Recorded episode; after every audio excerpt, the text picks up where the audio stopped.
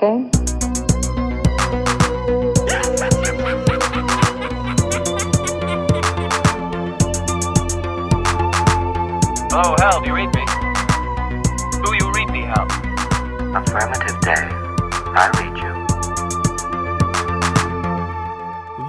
de tweede summer special van de Gremlins Strike Back film podcast. En als ik zeg tweede, dan is er mij al eentje voorgegaan en dat was die van Sven de Ridder.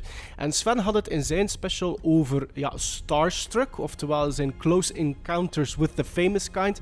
En is dus eigenlijk iets meer dan een uur over Sven zijn ontmoetingen met allerlei uh, celebrities. Ik ga daar niet te veel van lossen, want het is eigenlijk een beetje een magische uh, reis als je naar die aflevering uh, luistert. Een van onze luisteraars heeft het zelfs ontroerend al genoemd. En ik deel die mening eigenlijk ook wel een beetje. Ik treed die bij. maar kan ik al iets van namen zeggen? Ja, waarom niet? André van Duin bijvoorbeeld en Charles Bronson. Dus best uiteenlopend. Net zoals in die van Sven babbel ik ook uh, tegen mezelf in deze special, maar de content is natuurlijk wel helemaal anders, want die staat eigenlijk volledig in het teken van jullie, de luisteraars. Um, ik weet niet uh, wie er allemaal geluisterd heeft naar de laatste twee afleveringen voor deze summer break, maar daarin heb ik een, uh, of had ik een oproep gelanceerd naar jullie om zoveel mogelijk vragen in te stellen, in te sturen, um, waar ik dan op moest antwoorden. En jullie hebben dat massaal gedaan. Eigenlijk meer zelfs dan ik had verwacht. Uh, de keerzijde was dat ik daardoor veel meer moest voorbereiden. En daar had ik mij niet aan verwacht. Maar um, het is denk ik, hoop ik, uh, goed gekomen. Voor degenen die um, lange, lange, lange e-mails hebben uh, gestuurd met daarin veel vragen, die zullen waarschijnlijk merken dat ik ze niet allemaal in deze aflevering heb gestoken. Gewoon omdat ik vond dat daar te veel tijd dan zou ingestoken worden per persoon. Ik hoop dat jullie dat niet erg vinden, maar als er echt prangende dingen zijn die jullie nog uh, willen weten, dan stel ik voor, kom eens naar een, live uh, uitzending of uh, probeer mij te pakken te krijgen op een social media kanaal en dan zal ik toch nog proberen om er een antwoord op te geven. Voor diegenen onder jullie die wel graag eens een t-shirt dragen en deze podcast willen steunen, dan heb ik goed nieuws, want voor de tweede keer uh, bieden wij t-shirts aan met daarop een logo van de podcast. En het is een nieuw logo. Het is niet het logo dat op de eerste serie, laten we dan maar zeggen, uh, werd aangebracht. En we hebben een deal met een andere leverancier, waardoor de stof ook laten we zeggen, van iets betere kwaliteit uh, is. Dus mensen die interesse hebben in een t-shirt van de Gremlin Strike Back Film Podcast, ga naar onze social media kanalen. Het is misschien best om de post op te zoeken op Facebook.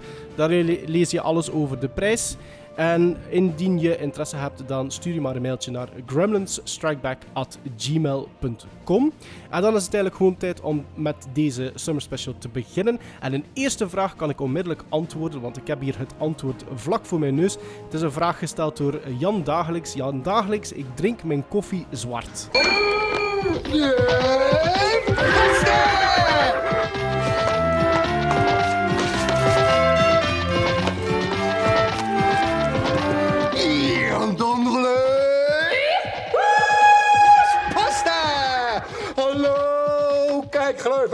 Ook deze maand een enorme bergpost. Dus ga door naar de eerste brieven. Een vraag die heel vaak werd gesteld door misschien wel zeven verschillende mensen, is de vraag hoe deze podcast ontstaan is. Um, wel, de godfather van de Gremlin Strike Back film podcast is Bart, uh, Bart de Duitse die al luisterde naar podcast van lang voor die term enigszins bekend werd in Vlaanderen. En hij speelde eigenlijk al lang met het idee rond om ook een podcast uh, op te nemen, uh, specifiek dan over films. En zodoende zocht hij naar co-hosts, want hij wou dat niet alleen doen. En Bart die heeft heel veel jaren gespendeerd op diverse film- en televisiesets in België. En uh, tijdens het project kwam hij Sven de Ridder tegen. En tijdens de break begonnen die twee tegen elkaar te praten. En dat klikte. En de kennis uh, klikte over films. En Bart had dan gewoon al een keer gepitcht aan Sven van... Goh, zouden dat niet zien zitten om samen met mij een podcast op te nemen? Sven um, zag dat inderdaad wel zitten. En toen zocht Bart nog naar een derde host. Bart en ik die hebben elkaar leren kennen op Twitter. We weten het eigenlijk zelf alle twee niet echt meer 100% zeker, maar Ik vermoed dat het kwam omdat ik toen recenseerde voor eh, een website, de Frog Brothers website. Dat was een website die volledig gewijd was aan het recenseren van films in de genres horror, cult, fantasy. En ik vermoed dat hij ooit een keer moet gereageerd hebben op een, eh, op een bericht van mij over een film die ik gerecenseerd had. En ehm, dan hebben we wel beginnen converseren. We hebben samengewerkt aan een project van mij. En op een gegeven moment begon ik op Instagram heel vaak te posten eh, over film. Covers van titels die in mijn collectie zaten, eh, films, korte besprekingen van films die ik net had gezien. En plots kreeg ik een bericht van hem en zei van, goh, eigenlijk, uh, ik speel met dit idee en nu ik, dat ik die posts van jou, van jou allemaal zie, dan denk ik dat hij eigenlijk misschien wel de geknipte persoon bent om ook mee te doen aan dit project. En ik vond dat heel leuk. Ik heb direct ja gezegd. En dan hebben Sven, Bart en ikzelf via Skype, denk ik één of twee keer afgesproken om te babbelen over de invulling van de podcast. Dat verliep allemaal heel soepel. En dan zijn we er eigenlijk gewoon aan begonnen. En zitten we nu aan uh, jaargang 4. Een tweede vraag, en toch eigenlijk eentje die wij al gedurende de volledige vier jaar van de podcast af en toe krijgen, en nu ook uh, gesteld door heel veel mensen, is waar dat wij onze stuff halen. Dus waar halen wij onze DVD's en Blu-rays om onze collectie verder uit te breiden? Wel, het antwoord is daarop tweeledig. Enerzijds, maar dat is een absolute minderheid, halen wij onze films nog altijd fysiek. Dus trekken we naar een winkel om daar tussen de rekken te gaan browsen. Um, en ik denk, ik denk toch wel dat ik kan spreken voor ons alle drie dat dat bijna nagenoeg alleen nog gebeurt in de mediamarkt. Maar ik zeg dat is een absolute minderheid, wat wil zeggen dat de meerderheid natuurlijk aangeschaft wordt uh, online. En onze allerbeste vriend in de eerste plaats is daarin uh, de Amazon-websites. Uh, die je hebt per land. Je hebt Amazon Duitsland, Spanje, Frankrijk. Amazon.com is de, die van de Verenigde Staten. Maar die die wij het meeste gebruiken is de Britse variant, dus die uit Groot-Brittannië, Amazon.co.uk. En dat is ja, onze go-to guy, laten we dat maar zeggen, voor het aankopen van onze van onze stuff. Um, ik heb daarmee begonnen. Ik ben daarmee begonnen zo'n, ik denk 7, 8 jaar geleden, denk ik. Um, en dat vond ik fantastisch, want als je begint online te, te shoppen, dan gaat er weer een nieuwe wereld uh, voor je open, laten we maar zeggen. En ik heb daar toen de tijd echt bulk buys zitten doen van 20, 30, 40 titels. En het toffe aan die Amazon is dat die ook third-party sellers um, aanbieden. Wat wil zeggen dat je bijna op iedere titel kan kijken of dat er geen tweedehandse of used uh, items uh, per, van die titel beschikbaar is. En nu is dat al iets minder vaak. Maar, maar toen dat ik begon, dan kon je echt bijna iedere titel used aan één penny uh, kopen. Dus dat is echt spotgoedkoop. Alleen al aan de shippingkost, dat, dat, dat was 20, 20 keer duurder of zo. Maar ja, op die manier ja, koop je dan op een gegeven moment gewoon ja, 30, 40 titels in één keer. En um, dat is eigenlijk nog altijd zo wat de meest gebruikte website van ons allemaal. Uh, wat dat we nu natuurlijk wel meer en meer beginnen doen, is beginnen te browsen op van die, uh, wat wij de boutique, ofwel de quality labels noemen. En dat zijn labels, distributeurs, die de films die ze uitbrengen, uh, voorzien van minstens een 2K nieuwe transfer of een nieuwe 4K transfer. Wat, wat eigenlijk wil zeggen dat zij een, een mooi opgepoetste versie van die film maken of aankopen en vervolgens uitbrengen. En een paar van die labels zijn bijvoorbeeld Criterion. Je hebt Arrow, je hebt eh, BFI, ofwel het British Film Institute. Je hebt Indicator, je hebt 88 en dan ook uh, eh, 101 Films. Je hebt Network, ik reken daar Third Windows ook bij. Third Window Films moet ik zeggen. Eureka, niet te vergeten. Dus er zijn er heel wat. Uh, maar het, het, het, het, het, um, het nadeel, laten we dat zeggen, als je dat zo kan zien, is natuurlijk dat die edities best prijzig zijn. En ik kan natuurlijk niet spreken voor iedereen wat dat jullie budget is. Maar bijvoorbeeld als je naar Arrow gaat, dan denk ik dat een Blu-ray daar sowieso 15, 16 pond kost. Uh, dus het is voor iedereen een beetje ja, uh, voor zichzelf uitmaken van wat, wat, hoe ver je wil gaan en, en, en wat je wil spenderen aan, aan films. Maar ik kan alleen maar zeggen dat die boutique of die quality labels als je zo een koopt, dan ben je gegarandeerd dat je naar de beste versie van een film zit te kijken. En meestal, nagenoeg altijd, zitten die vol met extras, interviews. Er is um, nieuw artwork, zeker in, in, als je kijkt naar, naar Arrow.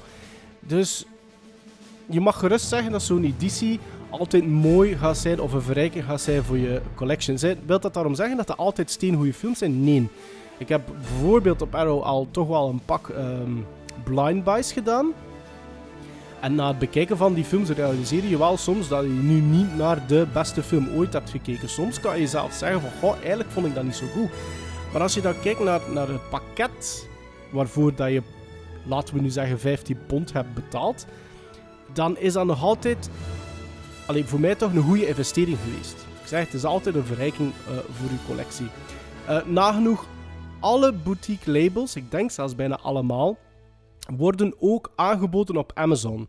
Dus het is altijd raadzaam om eerst te kijken op Amazon, want daar zit soms een licht voordelig prijsverschil in. Dus altijd eerst kijken op Amazon.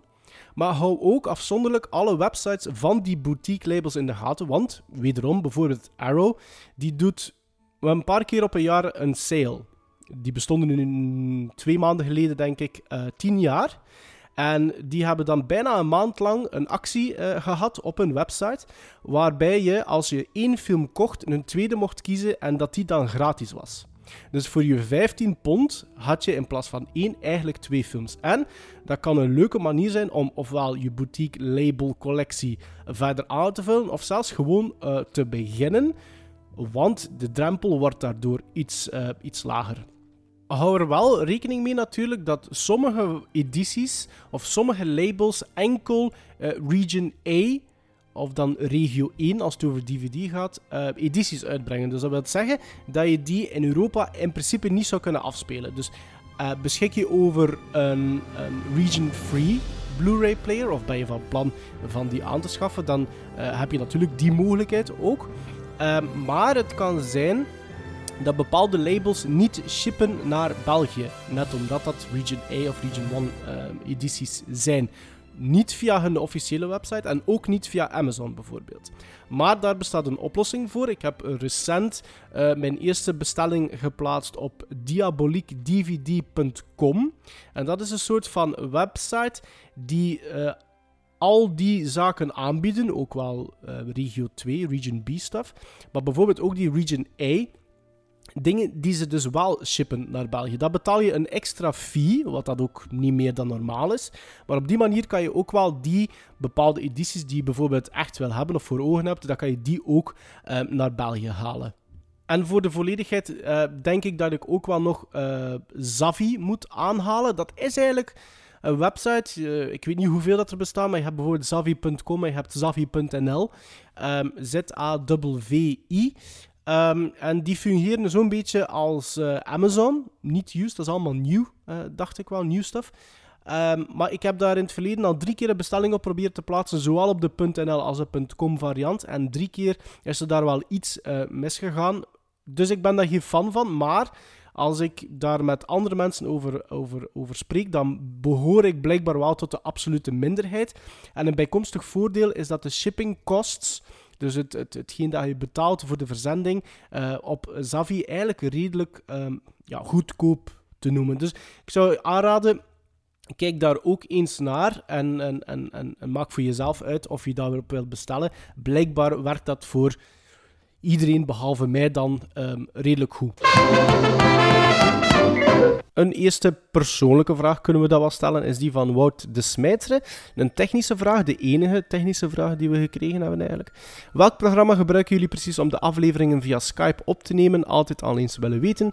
Grote fan van de podcast, mijn filmkennis en watchlist zijn er alleen maar mee uitgebreid. Dat is trouwens feedback die wij heel vaak krijgen van de luisteraar en daar zijn we super blij mee. Want het is natuurlijk altijd positief dat wij films bespreken en ook vaak voor het eerst. En na die bespreking horen we dan dat mensen ook zin gekregen hebben om die film te bekijken.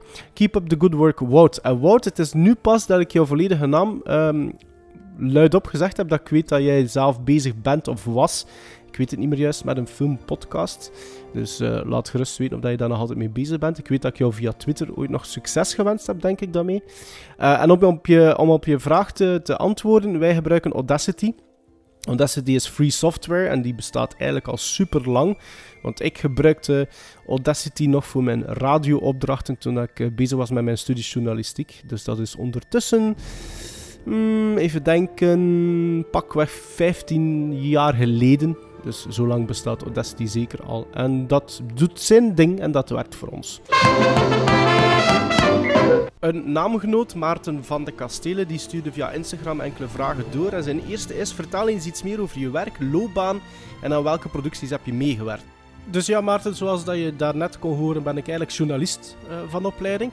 En het toffe uh, van die opleiding toen de tijd was, ik weet, dat is nu een beetje lichtjes veranderd, maar toen um, zag je nog relatief grondig alle vormen van journalistiek. Bijvoorbeeld radio, televisie, geschreven pers. Uh, waar dat je nu normaal gezien al wat snellere keuze moet maken van wat dat je echt uh, zou willen doen. Maar ik zag dat dan gedurende de, de volledige opleiding. En uh, ik dacht eigenlijk dat ik uh, voor uh, een echte journalist ging worden, um, waarmee dat ik bedoel, die zou schrijven voor de krant. Dat had ik toch al in mijn gedachten van pakweg, god, toen ik 15 of 16 was. Maar toen begon ik aan die opleiding, aan die studies, aan die hogere studies. En in mijn tweede jaar besloot ik stage te doen voor uh, TMF. Wat nu niet meer bestaat. Dus kan je vergelijken met Jim, wat ook al niet meer bestaat. Um, dus ik hoop dat je er een beeld uh, van bij kunt vormen. Maar toen heb ik zo wat meer inzicht gekregen in uh, camerawerken, reportages maken, in montages. En dat sprak mij eigenlijk heel hard aan. En ik heb mij daar een klein beetje meer op toegespitst. In mijn vrije tijd, laten we dat maar zeggen. En in mijn derde jaar ben ik dan opnieuw op stage geweest bij TMF. Wat super plezant was, heel goed meeviel. En uh, ik, daarna had ik mijn diploma op zak. En uh, besloot ik om een uh, nieuwe studie nog aan te vangen, omdat ik dat in één jaar kon, omdat ik net dat diploma al had. En het moet denk ik oktober of november geweest zijn toen ik telefoon kreeg van iemand die toenertijd bij TMF zat en nu um, het hoofd geworden was van een uh, Vlaams productiehuis. En die belde en die zei van ja, kijk, ik vond het wel tof om met jou samen te werken en ik zoek eigenlijk naar iemand die mij kan helpen bij bijvoorbeeld montages. En ik dacht dat jou zie je dat zitten. Ik moest hem beslissen op pakweg vijf dagen tijd. Meer bedenktijd kreeg ik niet, dus ik heb daar even goed over nagedacht. En ik had zoiets van, ja kijk, ik heb het diploma dat ik wou, heb ik al op zak. Dus ja, waarom, waarom dat niet doen? En dan, uh, ja, dan heb ik eigenlijk drie jaar lang televisie gemaakt. Um, de regie en de montage dan toch. Wat productie ook, zo beginnend als uh, regieassistent natuurlijk. Hè. Uh, maar later dan gewoon ook wat meer dingen alleen mogen doen. En dat waren ja, toffe producties, maar dat was nu niet... Allez, dat was voor VTM, liever. VTM en uh, Jim. Maar voor hun waren dat eigenlijk wel redelijke belangrijke programma's. De Kids Top 20 zat daarbij, Reggie's World zat daarbij, We Like to Party zat daarbij, Carlsberg Private Night, dat tussen de reclameblokken zat, wat al wel een toffe is, maar dat is meer persoonlijk, want ik heb uh, mijn vrouw daar uh, ontmoet. Um, en zo van die dingen ben aan het. Ja, Bravo Clouseau, dat was wel een hele toffe om te doen. Dat, waren, uh, dat was een programma voor, ik denk dat ze toen 20 jaar samen waren. Het kan 25 ook zijn, maar ik denk 20. En dat waren allemaal artiesten die een eigen, allez, een nummer van Clouseau onder handen uh, namen voor er een eigen versie van te maken. Te maken. En ja, dat was met interviews en, en, en uh, practice sessions. En dat moest allemaal ja, natuurlijk geregisseerd, gemonteerd en gefilmd worden. Hè. Uh, dus dat was wel tof. Ik heb dat, uh, denk ik, drie jaar vast in dienst gedaan. En toen in september 2008 besloten om als um, freelance regisseur en monteur verder te gaan.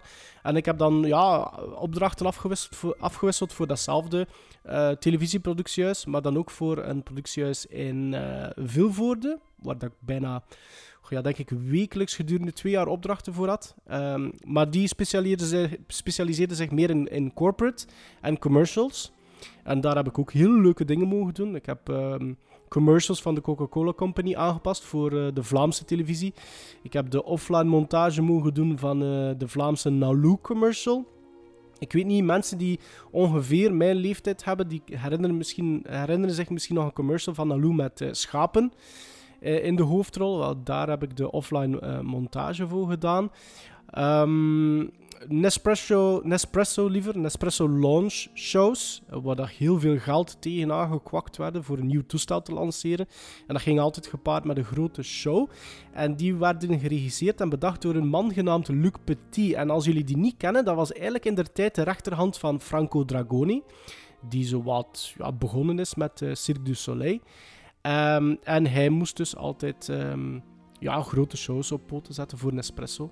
En die moesten natuurlijk ook uh, gemonteerd worden. Dat is iets wat ik zowel, uh, zowel ik als mijn collega eigenlijk een samenwerking met mijn uh, collega-monteur die daar ook zat in Vilvoorde gedaan hebben. En dat is eigenlijk mijn beste kameraad geworden. Dan kom ik aan het bijna laatste luik van mijn, van mijn parley daarover.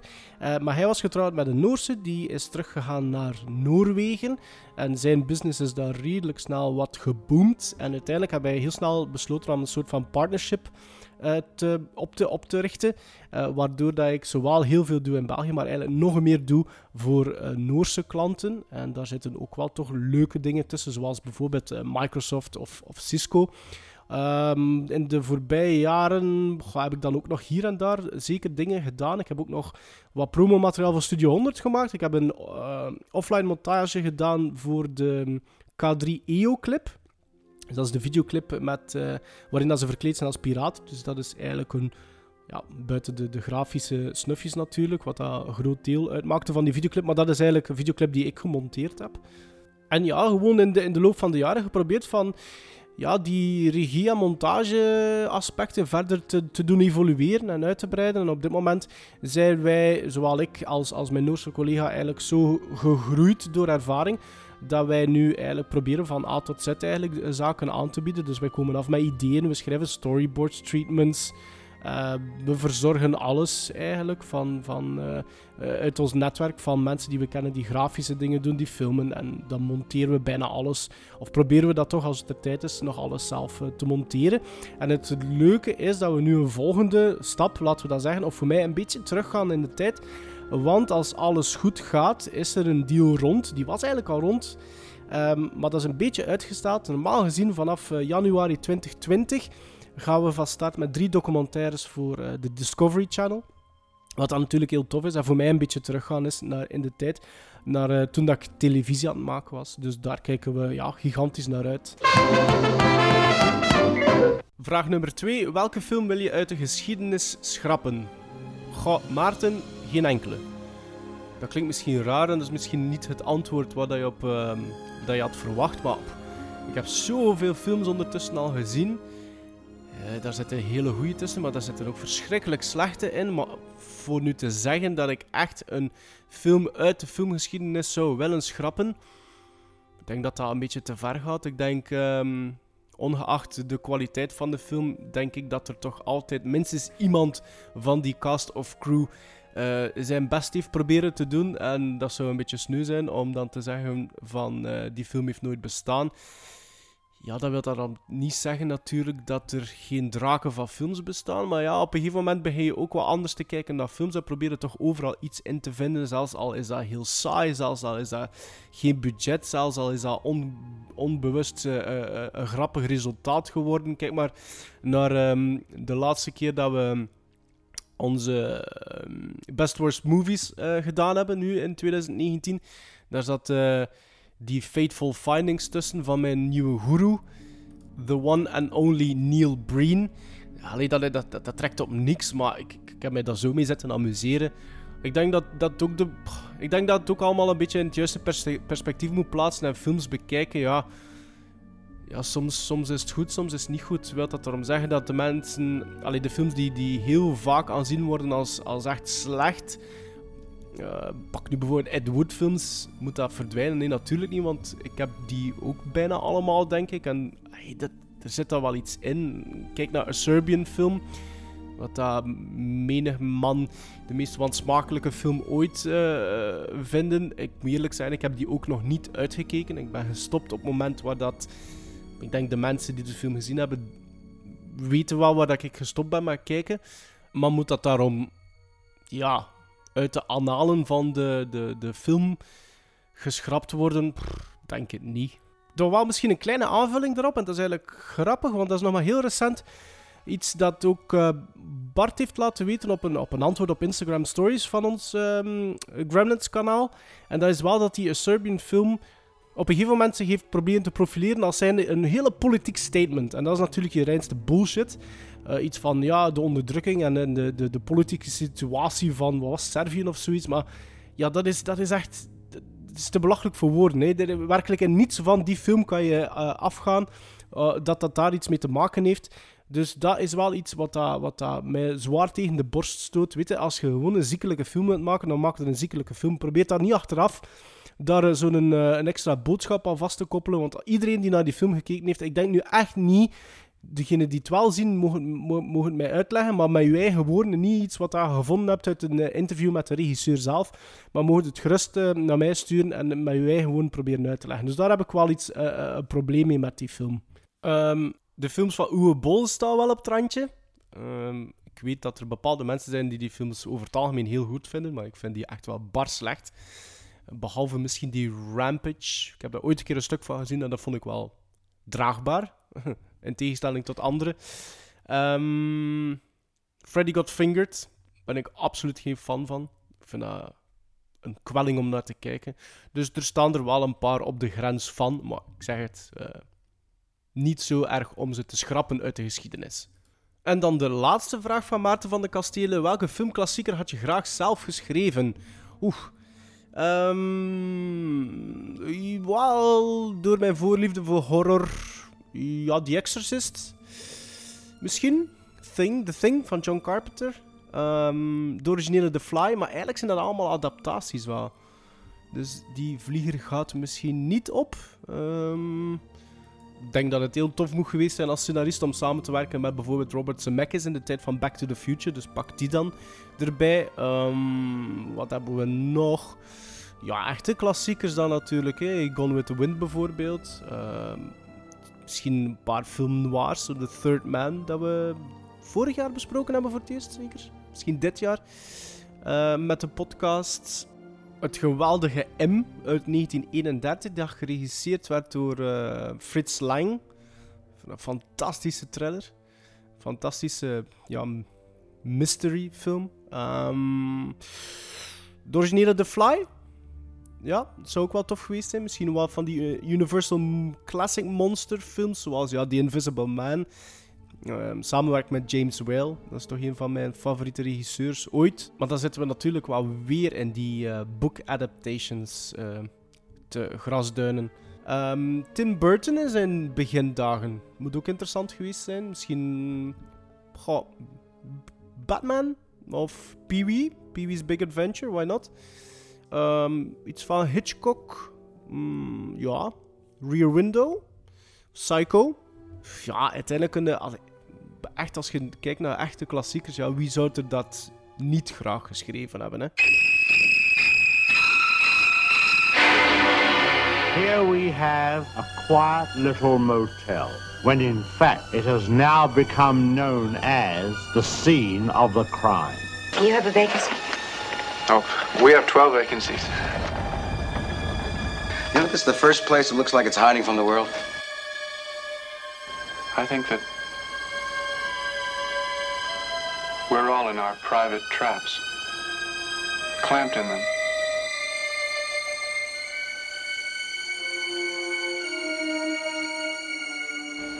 And none of us can ever get out.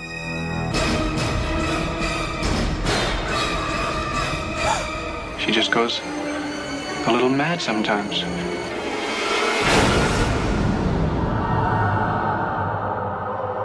Why, she wouldn't even harm a fly.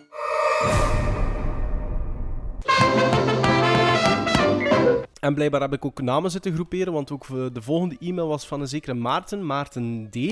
En hij schrijft, beste, sinds vorige week ben ik beginnen luisteren naar de podcast. Ik heb veel in te halen met een smiley face. Maar ik ben een totale filmleek. Sinds kort begin ik mij te interesseren in film, maar omdat het aanbod zo groot is, ben ik heel benieuwd of je me een toplijstje kan meegeven met films die ik zeker moet zien. Ik heb sinds kort ook Netflix aangeschaft, alvast bedankt voor de feedback. En ik zal uiteraard blijven verder luisteren naar de podcast, waar ik ook veel tips zal krijgen. Super tof, Maarten, dat je naar ons eh, bent beginnen luisteren. Ik hoop dat je er veel aan zal hebben. Maar het is wat moeilijk om op jouw e-mail te beantwoorden of een antwoord te geven op je vraag, want je hebt mij niet echt geholpen. Eh, zoals dat je zelf zegt, het aanbod is gigantisch groot. Dus het is voor mij een beetje moeilijk om dingen aan te raden zonder te weten bijvoorbeeld welke films je wel al zag die jij heel goed vindt of uh, welke genres je het liefst ziet. Het is bijvoorbeeld moeilijk voor mij om te zeggen van kijk naar The Good, The Bad and The Ugly van Sergio Leone, wat toch ja, algemeen aanzien wordt als een van de beste westerns ooit. Als je bijvoorbeeld niet van dat genre houdt. Net hetzelfde uh, als je geen horrorliefhebber bent, moet ik ook niet zeggen van kijk naar de, de John Carpenter's uh, The Thing, bijvoorbeeld. Uh, wat ik je kan aanraden is ja, twee dingen eigenlijk. Um, volg ons op Letterboxd. Als je dat dan niet doet, uh, ga naar www.letterboxd.com en letterboxd schrijf je met B-O-X-D achteraan. En um, zoek ons daar op, want daar staan onze Seal of Approvals opgelijst. Ik weet niet hoe lang je al aan het luisteren bent, want het is al een tijdje geleden dat we nog een Seal of Approval hebben uitgereikt aan een film. Maar dat zijn dus titels uh, waar, die we elk afzonderlijk minstens een 8 op 10 hebben gegeven. Ondertussen zijn er vier en die zijn eigenlijk heel uiteenlopend qua genre. Je hebt Wages of Fear, oftewel uh, Le Salaire de la Peur, een Franse uh, film. Uh, King of Kong, een documentaire. Pan's Labyrinth van Guillermo del Toro. En de vierde is Taxi Driver van Martin Scorsese. Dus op zich zijn dat eigenlijk echt al vier uh, volledig uiteenlopende films. Dus misschien moet je die eerst een kans geven. Kijken welke uh, van die vier je het meest bevalt of bevallen. En uh, dan kan je dat gebruiken als richtlijn, wie weet. En een tweede wat je eventueel kan doen, is dat Bart, die eigenlijk bijna alles van social, social media beheert voor de podcast, die heeft op Instagram, op de Instagram Stories, drie weken lang, telkens op vrijdag, zo wat Netflix tips uh, op de stories zitten plaatsen. Dus als je dat kanaal volgt, dan zal dat waarschijnlijk in de toekomst nog eens verschijnen, zo van die uh, Netflix-aanraders. En dan kan je zelf uitmaken van wil je die een kans geven, bekijk ze in het weekend of in de weken daarop, zolang dat ze op uh, Netflix blijven staan. En misschien zou je op die manier ook wel ja, een paar ontdekkingen doen, wie weet. Een bijzonder korte vraag van Thierry Willocks, die gewoon vraagt: Commando of Rambo? Ja, Thierry, er is wat twijfel over uw vraag. Want bedoel je um, Rambo First Blood ten opzichte van Commando? Dus alleen maar de eerste film ten opzichte van Commando, dan zou ik zonder enige twijfel kiezen voor uh, First Blood. Omdat ik dat een geweldige film vind. Um, heb je het dan over Rambo, die aanzien wordt als de officiële titel van het vierde deel? Ten opzichte van Commando, dan zou ik nog altijd voor uh, Rambo Omdat ik dat na 2 en 3 eigenlijk een hele goede uh, nieuwe installment vond in 2008 voor um, de franchise door, uh, bedacht door Sylvester Stallone. Heb je het over um, Rambo, de franchise als geheel ten opzichte van Commando? Dat zou ik ook nog altijd voor Rambo kiezen, maar als je het enkel hebt over Rambo, uh, de, de, tweede en de derde film van de franchise, dan zou ik wel naar Arnold Schwarzenegger gaan. Dat is ook wel voor Commando kiezen. Dat is ook een film die ik als kind heel vaak gezien heb. En ja, misschien een maand of zes geleden nog een keer herbekeken heb. En dat blijft nog altijd overeind. Ik vind dat nog altijd een hele goede actiefilm. Met spierbundels en uh, hele slechte tegenstanders, villains. Dus ja, dat zou ik eventueel wel voor... Uh... nee, dat zou ik zeker voor Commando kiezen. Maar ik heb overduidelijk wel meer Rambo gezegd dan Commando. En nu heb ik weer goesting voor naar First Blood te kijken.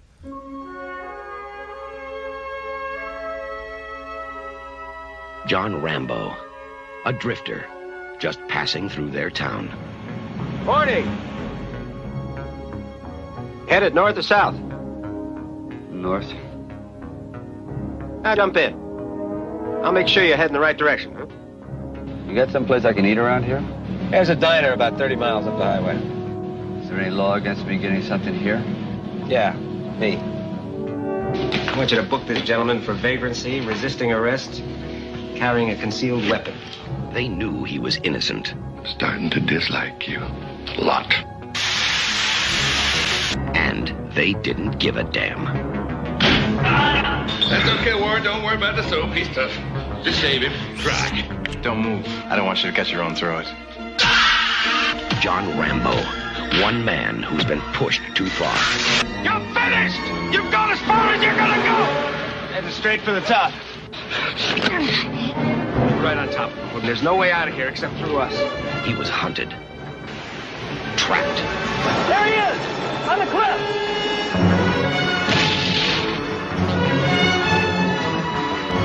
and forced to fight back. Don't push it. Don't push it. I'll give you a war you won't believe. You don't seem to want to accept the fact that you're dealing with an expert in guerrilla warfare. Are you telling me that 200 men against your boy is a no-win situation for us? You send that many, don't forget one thing. A good supply of body bags. Sylvester Stallone. This time he's fighting for his life. First blood.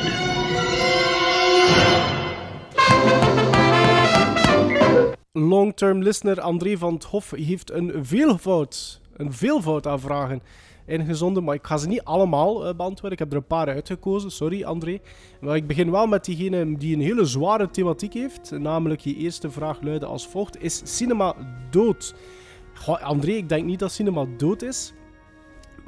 Maar ik denk wel dat cinema een beetje geëvolueerd is. Cinema is niet dood omdat ik eh, ervan overtuigd ben dat er voldoende regisseurs actief zijn op dit moment die opgegroeid zijn met idolen. eh, die ehm, eh, hun voorliefde van hun films en de films die ze nu maken te danken hebben aan films die ze zelf als kind hebben gezien in de, in de bioscoop. Waardoor dat die filmmagie en die filmliefde nog altijd vandaag de dag met momenten van het eh, grote witte scherm eh, spat. Dus ik denk dat er voldoende mensen actief zijn die nog altijd ehm, films draaien om die effectief op het grote scherm te, te vertonen. En daardoor samenwerken met scenaristen die net diezelfde eh, filmliefde hebben, die samenwerken met DOP's die net dezelfde fascinatie hebben met films die ze als kind, of zelfs nu nog altijd, wie weet, op, in de cinema ontdekken. Ehm, maar op hetzelfde moment denk ik wel dat er een soort van kentering moet komen. ehm, afgaande vanuit de, de, de cinemazalen, dus de, de eigenaars van chains, zoals bijvoorbeeld de Kinepolis. Ik zal me dan maar rechtstreeks daar een beetje op toespitsen, op de Kinepolis. Om opnieuw aan te tonen dat een vroegere core audience nog altijd welkom is eh, bij hen. Dat is een beetje een kleine pet peeve van mij. Ik heb er al vaak over gezaagd. Misschien nog niet zo vaak in de podcast zelf, maar wel tegen andere mensen. Dus die gaan misschien met hun ogen rollen dat ik er weer eventjes over begin. Ik ga het proberen kort te houden wel. Ehm, maar ik denk dat eh, tegenwoordig eh, er een groot aantal mensen zijn die niet meer, of toch veel minder naar de cinema gaan, omdat ze te vaak gestoord worden. Zo simpel is het, hè? omdat ze te vaak gestoord worden als ze naar een film kijken. Ehm, mensen die continu zitten te tetteren, te zitten te lachen. Eh, mensen die meer met je gsm bezig zijn dan naar de film te kijken. Ehm, ik denk dat die mensen opnieuw een beetje meer mogen gesoigneerd worden en het gevoel mogen krijgen dat zij ook nog altijd eh, belangrijk zijn voor bepaalde eh, chains, voor bepaalde ketens. Ehm, ik heb het daar wel al heel even over gehad in de podcast, maar toen dat ik ehm, vorige editie deel mocht uitmaken van, eh, van de jury van het Razor Reel, eh, Razor Reel Film Festival, dan heb ik daar twee, drie, vier misschien films bekeken ehm, tijdens dat, dat filmfestival en dat was fantastisch. En in diezelfde week ging ik eh, samen met mijn vrouw naar de, ja, de Kinepolis was dat toen, om de nieuwe Halloween film te bekijken. En ik kom buiten en ik, ja, ik, moest, ik moest opnieuw ja, gewoon toegeven dat ik niet heb kunnen genieten van die film, omdat, omdat het niet stil is in die zaal. Omdat er daar veel personen zitten die, ja, ik weet niet met welke beweegreden dat zij gaan kijken naar een film, maar dat is niet dezelfde als die waar ik vroeger toe behoorde. Allee, ik ben opgegroeid, of, of eh, ik denk dat dat dus misschien zelfs niet zozeer met opgroeien te maken heeft, met bepaalde waarden die je meekrijgt van je ouders, maar mensen die gewoon naar de zaal trekken om te gaan kijken naar een film. En de enige ehm, decibels die gemaakt worden door een publiek met die opvatting, eh, die komen er door te kijken naar een film en zaken die gebeuren op het witte scherm. Dus een, een, een, een, een publiek die begint te lachen omdat ze naar een komedie gaan kijken en er iets grappigs gebeurt. Een publiek die ja, eh, een kreetje slaat, laten we dat maar zeggen, of gaspt als ze naar een horrorfilm zitten te kijken.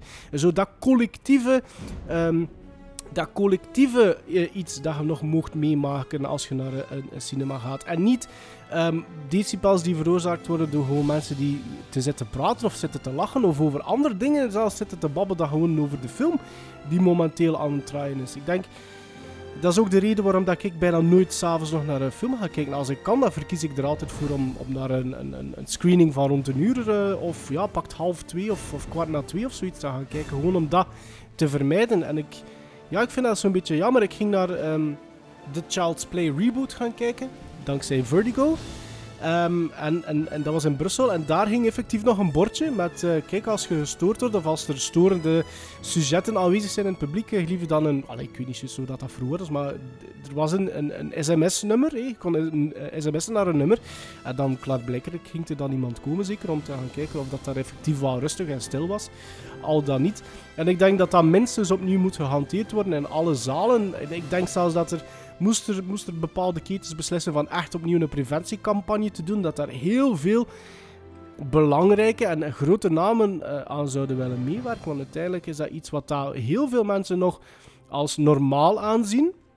Dat het stil moet zijn in een zaal, maar minder en minder vaak voorkomt. En dat heb ik toch uit mijn eigen ervaring. En als ik daar met mensen over babbel, dan hebben die dezelfde ervaring. Dus ik denk toch dat het daar iets ja, niet juist loopt. Dus ik denk wel dat cinema is zeker niet dood, maar ik heb ja, ik krijg de indruk dat het, het originele, dat is zo'n dom woord, hè, ik voel me vrij oud, maar het originele publiek van een cinema, dat dan niet meer echt tot zijn trekken altijd kan komen. En dat zou moeten veranderen. Met als eigenlijk enige bedoeling op, op opnieuw echt van die cinema-ervaring, want want naar de cinema trekken, dat is een ervaring. Dat is uh, een, een, film op de best mogelijke manier uh, kunnen bekijken en, en, en, en, en horen.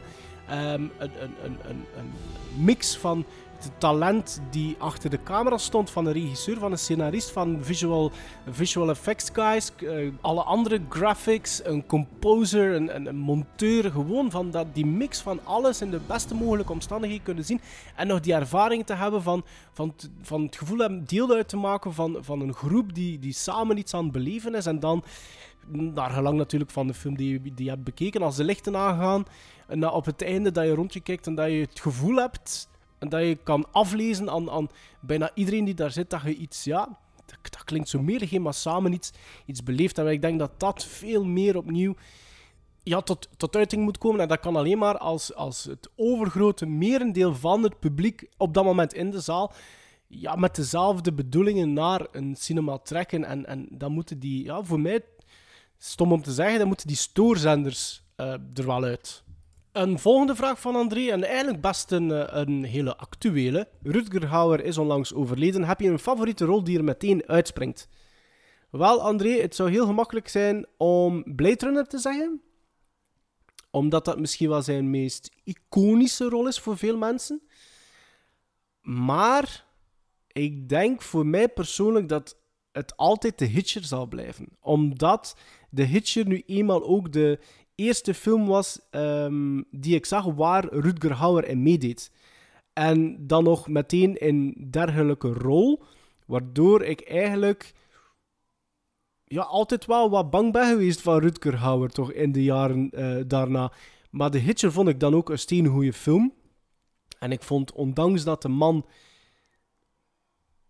misschien niet zoveel tekst had, maar de manier waarop dat hij keek, zijn blik, zijn uh, lichaamshouding, het dreigende dat hij over zich heen had hangen, dan, dan, dan, dan, als je dat kan doen, dan is dat wel een blijvende indruk die je, die je maakt. En dat is zeker, bij, bij mij was dat zeker zo het geval. Dus ah, ik weet dat er Blade komt vaak voor, Flesh and Blood komt vaak voor, um, Turks Fruit komt vaak voor, die heb ik ook gezien, daar is hij wel goed in. Maar ja, ik kies dan, dan toch voor ja, het, het, het, het, het, de Amerikaanse, het Amerikaanse avontuur dat hij aangegaan was. En ja, dan denk ik dat de Hitcher bij mij op één zal staan. The moment he stops, the terror starts.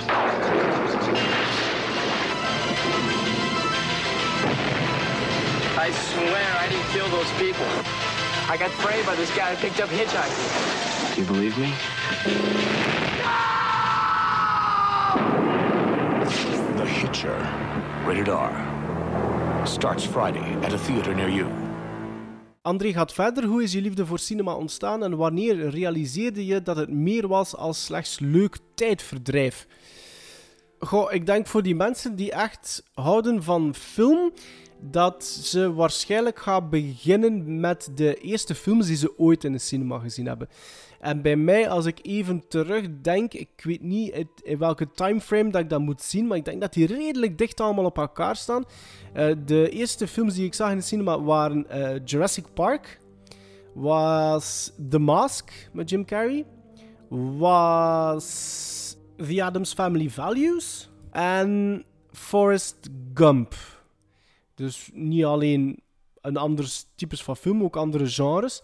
En ik denk eigenlijk dat ik op dat moment al verknocht was aan film. Um, gewoon, zoals dat ik het daar juist al in een ander antwoord uh, zei, gewoon dat gevoel van samenhorigheidsgevoel, van in de zaal te zitten. Mensen die allemaal naar dezelfde film aan het kijken zijn, die ze toen nog, denk ik, uh, nog nooit hadden gezien. Ik denk dat dat wel nu meer en meer voorkomt dat mensen veel, alleen een paar keer na elkaar naar dezelfde film gaan kijken. Um, zo dat gevoel van... Um, mensen die op hetzelfde moment um, lachen of een reactie hebben, een gelijkaardige reactie. Zo ja, dat samenhorigheidsgevoel. En dat ik toen al vond dat dat iets heel magisch en speciaal was. Um, goh, en wanneer dat dat meer was als slechts leuk tijdverdrijf, dat is als je begint te merken dat je, ja, moest het dan nu zelf liggen, bijna continu naar films zitten kijken. Um, ik weet nog een van de hoogdagen bij ons thuis was op het moment dat onze eerste, dat uh, mijn ouders de eerste videorecorder kochten. En ja, dat was mijn speelgoed. Hè. Um, ik weet nog heel goed um, dat, uh, dat je die zo moest programmeren dat je, met, dat je de datum en het uur moest uh, vastleggen van wanneer dat, de film begon of het programma dat je wou opnemen. En dat je ook opnieuw het, het, de datum en het uur moest um, uh, inloggen van wanneer dat die film stopte dan bijvoorbeeld.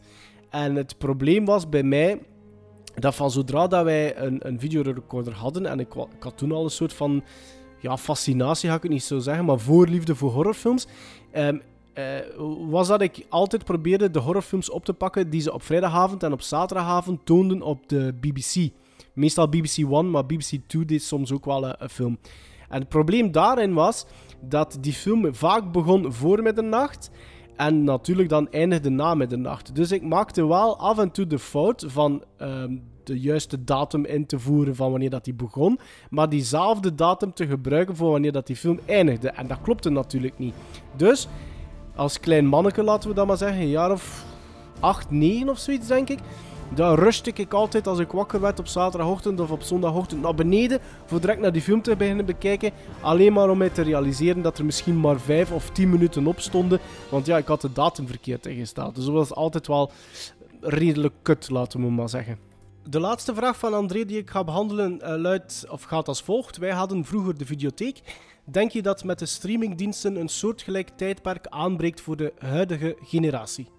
Ik kan begrijpen waarom dat je dat zegt. Mijn antwoord is niet echt, maar ik snap wel wat je bedoelt. Want uiteindelijk visueel, als je naar de catalogus kijkt van bijvoorbeeld Netflix of Amazon Prime, dan, allee, dan snap ik dat dat wel visueel zo'n soortgelijk iets heeft. Maar niets, maar dan ook niets, valt te vergelijken met het fysiek naar een videotheek te moeten gaan door weer en wind, als uw ouders niet met de auto wilden rijden, dat je met de fiets of te voet moest gaan om dan daar binnen te stappen. En ik kan u garanderen, soms kon ik daar een uur um, in een videotheek lopen. Hoewel dat ik de dag ervoor misschien er nog maar juist was geweest. Maar ik vond dat geweldig. Die geur. En ook het feit dat we spreken van een periode waar het internet nog niet aanwezig was. Dat je de enige voorkennis die je had op dat moment uh, van een film was eventueel een trailer die, die, die op de, de videoband stond vooraleer dat de feature film begon. Dus eh, soms was dat, oh, ik heb die trailer gezien, nu wil ik de volgende keer die film gaan huren. Maar ook evenzeer was het gewoon van, gewoon blind alle kaften bekijken, omdraaien, de tekst lezen, de, de foto's bekijken die erbij gaan. Naar, naar, oh, vandaag heb ik zin in een dat soort, in dat soort genre, oh ja, die sectie is daar. En daar ga ik eens in het gras doen. Bij mij ging dat zo ver dat ik uh, keek of dat uh, uh, al de kaartjes wel nog op de juiste plaats stonden. Want soms begonnen die zo wat op, te schuiven door andere klanten. En dan zet ik die allemaal terug goed. Ik, ik, ik hield echt van het fysieke aspect van naar een videotheek te gaan en daar alles in mijn handen te kunnen nemen.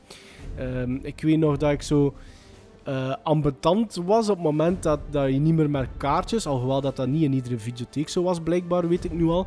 Maar voor mij was dat zo ambetant als, we niet meer, als je geen kaartjes meer moest pakken. Dus je moest gewoon de band nemen en, en naar de, de, de, de, de, toonbank gaan. Um, ook bij ons in, in de videotheek in de Chaplin in Veurne, waar ik altijd ging, was het altijd zo wat, wat raden van ja, uh, oké, ik ga die film nemen, ik ga ermee naar de toonbank. Ga ik een, een, versie krijgen, ga ik een band nemen met een kleurenhoes rond? Of gaat het zo een zijn die heel lelijk uh, ingescand en dan uitgeprint is in zwart-wit, dat je nog amper ziet met welke film dat je thuis komt. Dat was dat magische effect van een videotheek, die ja, dat, is, dat, is, dat, is, voor mij onevenaanbaar. Ik heb er nog altijd zo'n fijne herinneringen aan. Dus eh, voor de huidige generatie gaat dat misschien effectief wel raaklijnen vertonen. Maar ik denk voor iedereen die ooit een videotheek is binnengestapt, is, is dit, dat, het verschil is, is on, onwezenlijk groot gewoon. Nobody has the movie I want. Hey, if it's on video, Blockbuster probably has it. I mean, we have over 10,000 videos. Wow. I'll watch these fast and have them back tomorrow, I promise. Relax. At Blockbuster, you can keep your videos for three evenings, so take home plenty. And, and use our 24-hour quick drop. Do you have any children's videos? Sure. Blockbuster's America's family video store. You know, we have more kids' videos than any place else. More movies, more nights, more fun. Blockbuster Video. Wow, what a difference. Nog zo'n luisteraar van het eerste uur, denk ik, Nicola Potrin. Uh, Nicola en ik uh, delen een verleden bij dezelfde basketbalclub aan de kust. Uh, die stuurde ook een vraag. Beste Gremlins, volgende zaken brengen mij tot een idee voor een top 3 voor Maarten zijn Summer Special. En die zaken zijn geen baseballfilms in Sventember. Nee, dat was inderdaad een optie, maar die is niet gekozen. Dan I Am a Sucker for Sports Movies. Basketbal is de beste sport ever. Ik deel die mening, Nicola. En LeBron en Bugs Bunny zijn bezig met Space Jam 2. En dat uh, alles gecombineerd uh, komt Nicola bij de volgende vraag. Top 3 basketbalfilms. Met dank voor de reeds vele uren luisterplezier en filmontdekkingen, Nicola. Geen zo makkelijke opdracht eigenlijk, maar ik ben wel tot de top 3 gekomen. Uh, uh, kenmerken is wel dat ik op zoek ben gegaan naar films waar dat basketbal wel effectief horen tot de centrale verhaallijn van de film. Bijvoorbeeld een film als The Basketball Diaries. Ja, dat gaat een klein beetje ook over basketbal, maar dat hoort niet bij tot echt de kern van, van de film. Uh, dus ik ben op een top 3 gekomen en nummer 3 is weggelegd voor een film geregisseerd door de Exorcist-regisseur, namelijk William Friedkin. Het is een film uit 1994 met onder andere Nick Nolte in de hoofdrol en de titel is Blue Chips. En dat gaat over een college coach, Nick Nolte natuurlijk, die op nogal onorthodoxe manier uh, probeert uh, nieuwe spelers te recruiten om op die manier toch met een sterke ploeg aan een uh, season te beginnen. En een leuke side note van die film is dat Penny Hardaway en Shaquille O'Neal eigenlijk tijdens de opnames van die film, en ik hoop dat de luisteraars luisteren waarbij dat die namen toch een belletje doorrinkelen, maar dat de, tijdens de opnames van die film die twee eigenlijk redelijk close zijn geworden en uiteindelijk Shaquille O'Neal is geweest die toen aan de bestuurders van die Orlando Magic, waar hij al speelde, heeft gezegd dat zij Penny Hardaway moesten uh, draften en dat dat eigenlijk de reden zou zijn dat die twee een van de meest succesvolle tandems, laten we dat maar zeggen, ooit in de NBA history werden. Op nummer 2 staat de comedie White Man Can't Jump uit 92 met in de hoofdrollen uh, Woody Harrelson en Wesley Snipes. Dat is een film die zich vooral focust op um, street basketball. Dus uh, basketball dat je wel vaak hebt gezien in Amerikaanse films die zich afspelen uh, outside op van die, op van die pleintjes. En beide heren slaan eigenlijk de handen in elkaar om zoveel mogelijk geld af te troggelen door te spelen, ja, door, door basketbal te spelen uh, voor geld. Maar één van hen wordt opgejaagd door een paar gangsters, omdat hij uh, hen uh, geld schuldig is. En dat vond zo wel, ja, het comedic aspect van de film. Maar het toffe aan die film is dat er heel veel ja, basketball action in de, in, de, in de runtime zit. En dat die echt wel goed in beeld werd gebracht. Het is gewoon leuk om naar te kijken. En de absolute nummer 1 voor mij is de film He Got Game uit 1998 van Spike Lee. Waarin dat, uh, Denzel Washington een van de hoofdrollen vertolkt. En die speelt eigenlijk een convict die um, vrijgelaten wordt, maar enkel om zijn zoon richting een bepaalde, een bepaalde college te sturen. En als hij daarin slaagt, dan zal zijn uh, straf korter gemaakt worden. En zijn zoon wordt vertolkt door Ray Allen. En Ray Allen was een hele bekende uh, NBA-speler die zijn carrière begon bij de Milwaukee Bucks. En dan bij de Seattle Supersonics ook succes gekend heeft. En de Boston Celtics. En zijn laatste twee jaren van zijn carrière uh, bij de Miami Heat gespeeld heeft. Maar het belangrijkste en het, het, het, opvallende is dat Ray Allen dat eigenlijk redelijk goed doet in He Got Game. Qua acteertalent, laten we dat maar zeggen. Um, net zoals bijna alle Spike Lee films is, is het iets wat een meer donkerder. Het, het toont de kleine kantjes van de maatschappij. Uh, en er zijn nog andere bekende gezichten uh, te zien buiten uh, Denzel Washington natuurlijk en Ray Allen. Rick Fox, wat ook een bekende NBA-speler is geweest, die vele jaar bij de LA Lakers heeft gespeeld. Speelt een soort van, ik denk recruiter, dat weet ik niet meer juist, um, die ja, jonge gastjes warm moet maken en hen probeert te verleiden met geld en met vrouwen om die toch naar een college te trekken. Maar ik vind dat, ja, met stip op nummer 1, ik vond dat een hele goede film. Ik vind dat nog altijd een hele goede film. En ja, zijn er dan nog honorable mentions? Ja, Love and Basketball, daar heb ik het al over gehad in een van de eerste afleveringen, denk ik, van de podcast. Of toch in het eerste, de eerste jaargang. Uh, met Omar Epps onder andere. Dat vind ik een hele goede. Dat is een romantische film, maar wel een hele goede waar dat basketbal absoluut centraal in staat. Hoosiers heeft Sven het overal gehad. Ik, ik, zie nog bepaalde shots van Hoosiers voor mij. Waaronder zo'n onderwaartse uh, free throw helemaal op het einde. Maar aangezien dat dat niet te vers in mijn geheugen zit, kon ik die ook niet opnemen in mijn top 3. Maar kijk, er wordt wel degelijk ook over uh, basketbal gebabbeld in de Gremlin Strike Back film podcast. We out the projects, baby. Where we gonna live at, son? Central Park West somewhere? What you gonna buy your mama, son? Come on. A big house. It's the will of the man. It ain't the skill of the man. Don't be afraid of nobody. Take it. Take Go it. strong, baby. Like nobody's Yes. better than you. You have a son named Jesus Shuttlesworth? Is your son considered the number one high school prospect in these United States? He's awesome, baby, with a capital F. Governor's made a request that your son seriously consider enrolling in his alma mater, Big State. The governor's given me his word. He'll do everything in his power to cut your time here short. The NC2A deadline is one week away. Two parole officers will be assigned to you. Yeah, I guess I better get working now. Hello, son. What did I tell you about letting strangers in the house? He's not a stranger. He's our father. I don't have a father. Look, I need to talk to you. You'll see me around. The man escaped just like Shawshank. Why beat around the bush? We love you. It's $10,000. I don't need that money, coach. You can look like Buddy Hackett and drive down the street with this and have 40 girls chasing you. Oh, Jesus. I want you to go to Big State, son. You find it in your heart to go to Big State, they may let me out on early parole. I got that uh, arthritis thing. My brother's got the same arthritic condition. It's going around here in Coney Island. Yeah, yeah, yeah, yeah. It's contagious. But Why in the hell did you name me Jesus anyway? What type of name is that? Jesus, Jesus. It's a biblical name. No kidding. I pray that you understand why I put you. I was the one who put the ball in your crib. I ain't no baby no more. Dear Lord, deliver Jesus to us. People make mistakes. People veer off the path. So what? God forgives them. When will you? Never. I bet he can finally beat you. One on one. And this will be the most important decision In your life. Moving on, een vraag van Vincent Glas. Uh, horrorfilm aanraders voor mensen die niet van horror houden. Ja, ook niet zo simpel eigenlijk, uh, Vincent. Ik denk dat het misschien beter is als je recommendations moet geven aan mensen die niet van horror houden, om dan op zoek te gaan naar um, films waar er een paar genres met elkaar gemixt worden. Bijvoorbeeld horror en comedy. Of misschien naar films uh, te kijken waar de nadruk niet zozeer ligt op uh, pakweg een monster. Um, met veel gore uh, en, en, en bloedvergieten, maar die zich misschien wat meer aarden in de realiteit en daardoor een, een realistische suspense met zich meekrijgen. Ik zeg niet dat het volgende voorbeeld nu echt ja, super realistisch is, maar kijk bijvoorbeeld naar een Jaws. Uh, wat dat ook bijvoorbeeld kan aanzien worden als een, een, een, een dijk van een thriller gewoon. Um, dat zou misschien wel een, een goede film zijn, als een, soort van opstapje naar. Um, wat hebben we nog in die reeks? Um, goh, als ik dan denk van humor met horror, dan denk ik The Cabin in the Woods misschien wel ook niet slecht is. Omdat dat toch ook een loopje neemt met alle gangbare zaken die men associeert met horror. Um, en daardoor net wel heel effectief wordt. Dus er kan daar ook wel mee gelachen worden. Maar op het einde toe is het natuurlijk wel meer full-on uh, horror. Uh, wacht hoor, even verder denken.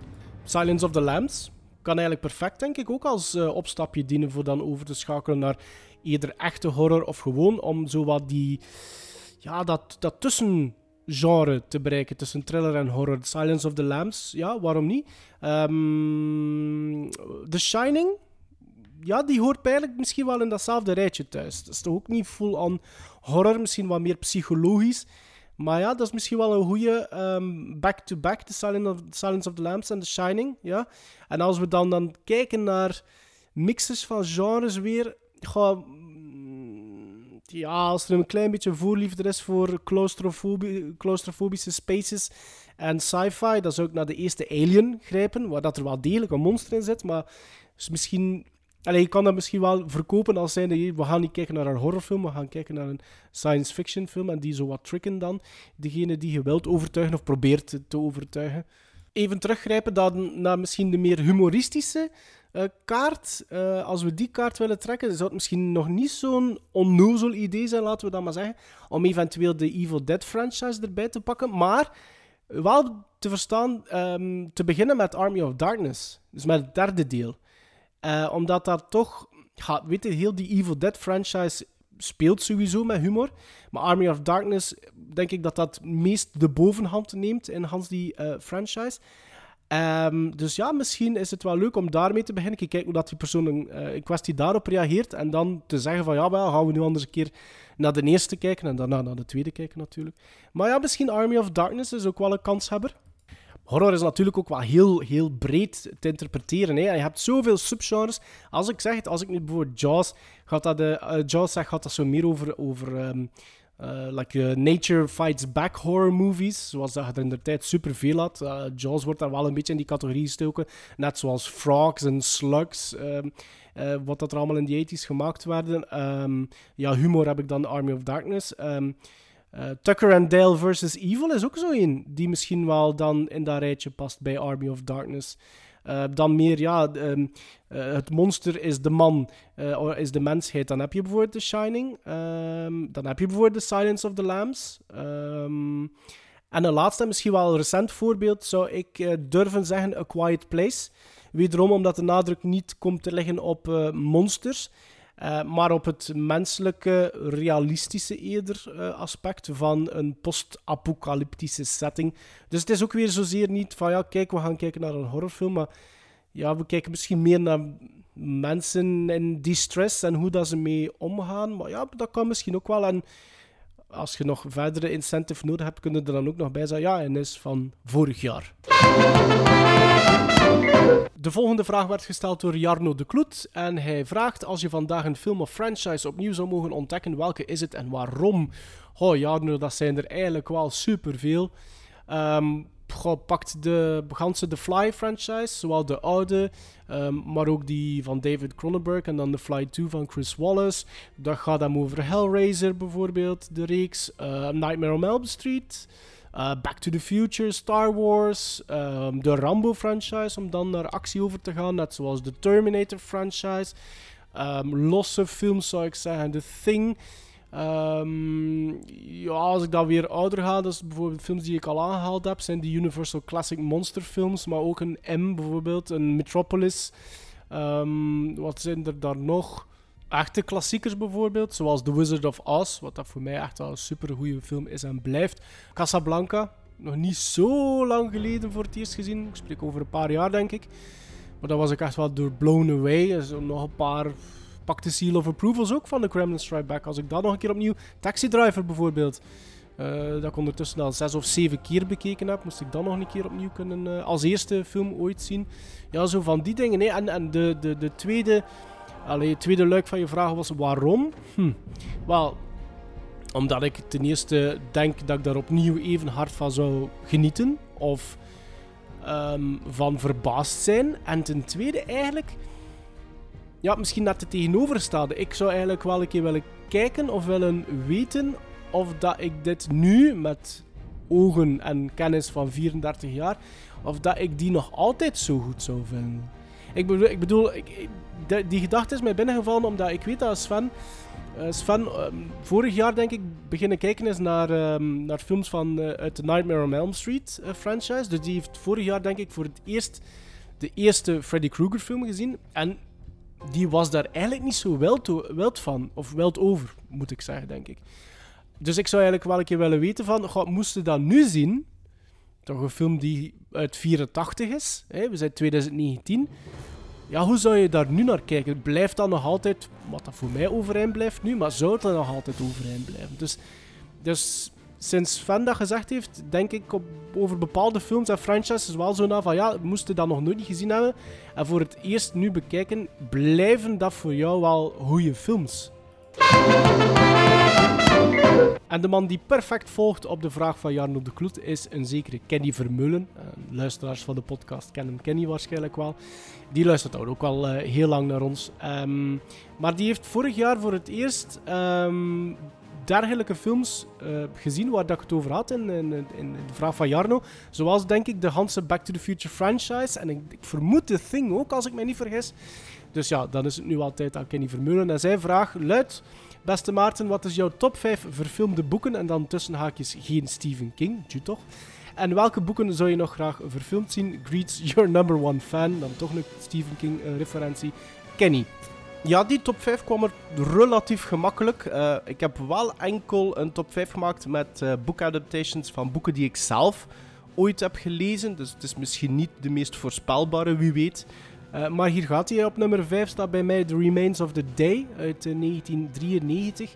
Geregisseerd door James Ivory, waar Sir Anthony Hopkins centraal in staat. Hij speelt Stevens, de hoofdbutler van een hele rijke uh, man. Wat dus wil zeggen dat hij nog een heel leger aan bedienden en andere butlers onder zich heeft staan. Dus ja, uh, zijn leven staat bol van de etiketten en de stijfheid. En zo ziet hij het ook het liefst van al. Uh, maar dat verandert een beetje wanneer dat Miss Kenton, vertolkt door Emma Thompson, haar intrede neemt in het huis als, ik denk, hoofd van de housemates. Denk ik. Maar het toffe aan die film is dat het ook een period piece is natuurlijk. En um, de film speelt zich af net voor um, de Tweede Wereldoorlog uitbreekt. En er is een hele toffe, een heel interessante verhaallijn ook in verweven. Uh, namelijk van... Um, op dat moment moeten we de kant kiezen van de Duitsers. Zijn de Duitsers onze allies op dat moment? Zouden we niet beter vrienden blijven met de Duitsers, al dan niet? Nummer 4 is weggelegd voor een film waar Sir Anthony Hopkins ook in speelt. Kijk eens aan, namelijk The Silence of the Lambs uit 1991 van Jonathan Demme. Uh, waarvan het boek geschreven werd door Thomas Harris. Ik heb het er nog maar juist over gehad, denk ik, in de laatste aflevering voor deze break, of die ervoor. Ik weet niet meer juist waarom. Um, maar ja, kijk, uh, een steengoede film, een iconische film geworden. Niet alleen natuurlijk omdat uh, Anthony Hopkins gestalte heeft aan Hannibal Lecter, maar ook door Jodie Foster. Sven zal dat misschien niet beamen, maar ja, kijk, ik heb het toch gezegd. Dus ja, kijk, op 4 ook een film uh, met Sir Anthony Hopkins. Op nummer 3 een film die we al een paar keer hebben laten vallen in de podcast. Ik heb er denk ik ooit een melie aan gewijd. is een film uit 1975 van Milos Forman, namelijk One Flew Over the Cuckoo's Nest waarvan het boek geschreven werd door Ken Kesey. Net zoals um, Silence of the Lambs, kijk, er zit toch structuur in, is dat een film die de Big Five won op de Oscars. En de Big Five zijn de categorieën Best Film, Best Director, Best Actor in a Leading Role, Best Actress in a Leading Role en Best Writing winnen. En dat is dus uh, beide films gemeen. Op nummer 2 een absolute klassieker, gereleased drie jaar voor One Flew uh, Over a Cuckoo's Nest, dus 1972. Geregisseerd door ene Francis Ford Coppola en het boek werd geschreven door Mario Puzo. Ik heb het dan natuurlijk over The Godfather. Dat is niet zo verrassend, want Mario Puzo heeft meegewerkt aan het screenplay van The Godfather. Dus ja, hij heeft ervoor gezorgd dat bijna alles van zijn boek intact is gebleven. Al denk ik wel dat er bepaalde backstories van enkele personages werden overgebracht uh, naar het tweede deel. Dus ja, Voor mij een terechte nummer 2, maar misschien voor jullie een beetje verrassend, zeker als je gaat horen uh, wat dat er op nummer 1 staat. Namelijk een van de beste gangsterfilms ooit, misschien wel de beste gangsterfilm ooit, uh, gereleased in 1990 met een andere klapper op de regiestoel, namelijk Martin Scorsese. En het boek werd geschreven door Nicolas Pileggi. En dan heb ik het over Goodfellas. Dus ja, als je bekijkt naar de status van 2 en 1, zou je misschien kunnen oordelen dat The Godfather een grotere status heeft. Maar kijk, ik heb toch gekozen om Goodfellas als beste adaptatie op nummer 1 te plaatsen. En voor degenen die die film nog nooit hebben gezien, dan raad ik aan om nu te stoppen met luisteren en te beginnen kijken. As far back as I can remember, I always wanted to be a gangster. Hey, Mom, what do you think? You look like a gangster. I know I. By the time I grew up, there was 30 billion a year in cargo moving through Idlewild Airport. Believe me, we tried to steal every bit of it. What do you do? I'm in construction. He's not Jewish. Mazel tov. For most of the guys, killing's got to be accepted. Hey, Henry, here's an arm. Very funny, guys. Here's a leg. Here's a wing. what do you like, the leg or the wing?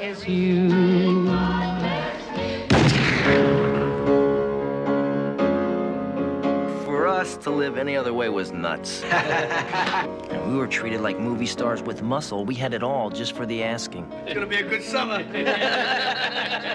it was a glorious time. In a world that's powered by violence, on the streets where the violent have power, a new generation carries on an old tradition. Ja, Kenny, en uh, welke boeken zou je nog verfilmd willen zien? Dat is wat moeilijk, want er schiet er mij maar eentje te binnen. Net omdat dat nu eindelijk gaat gebeuren.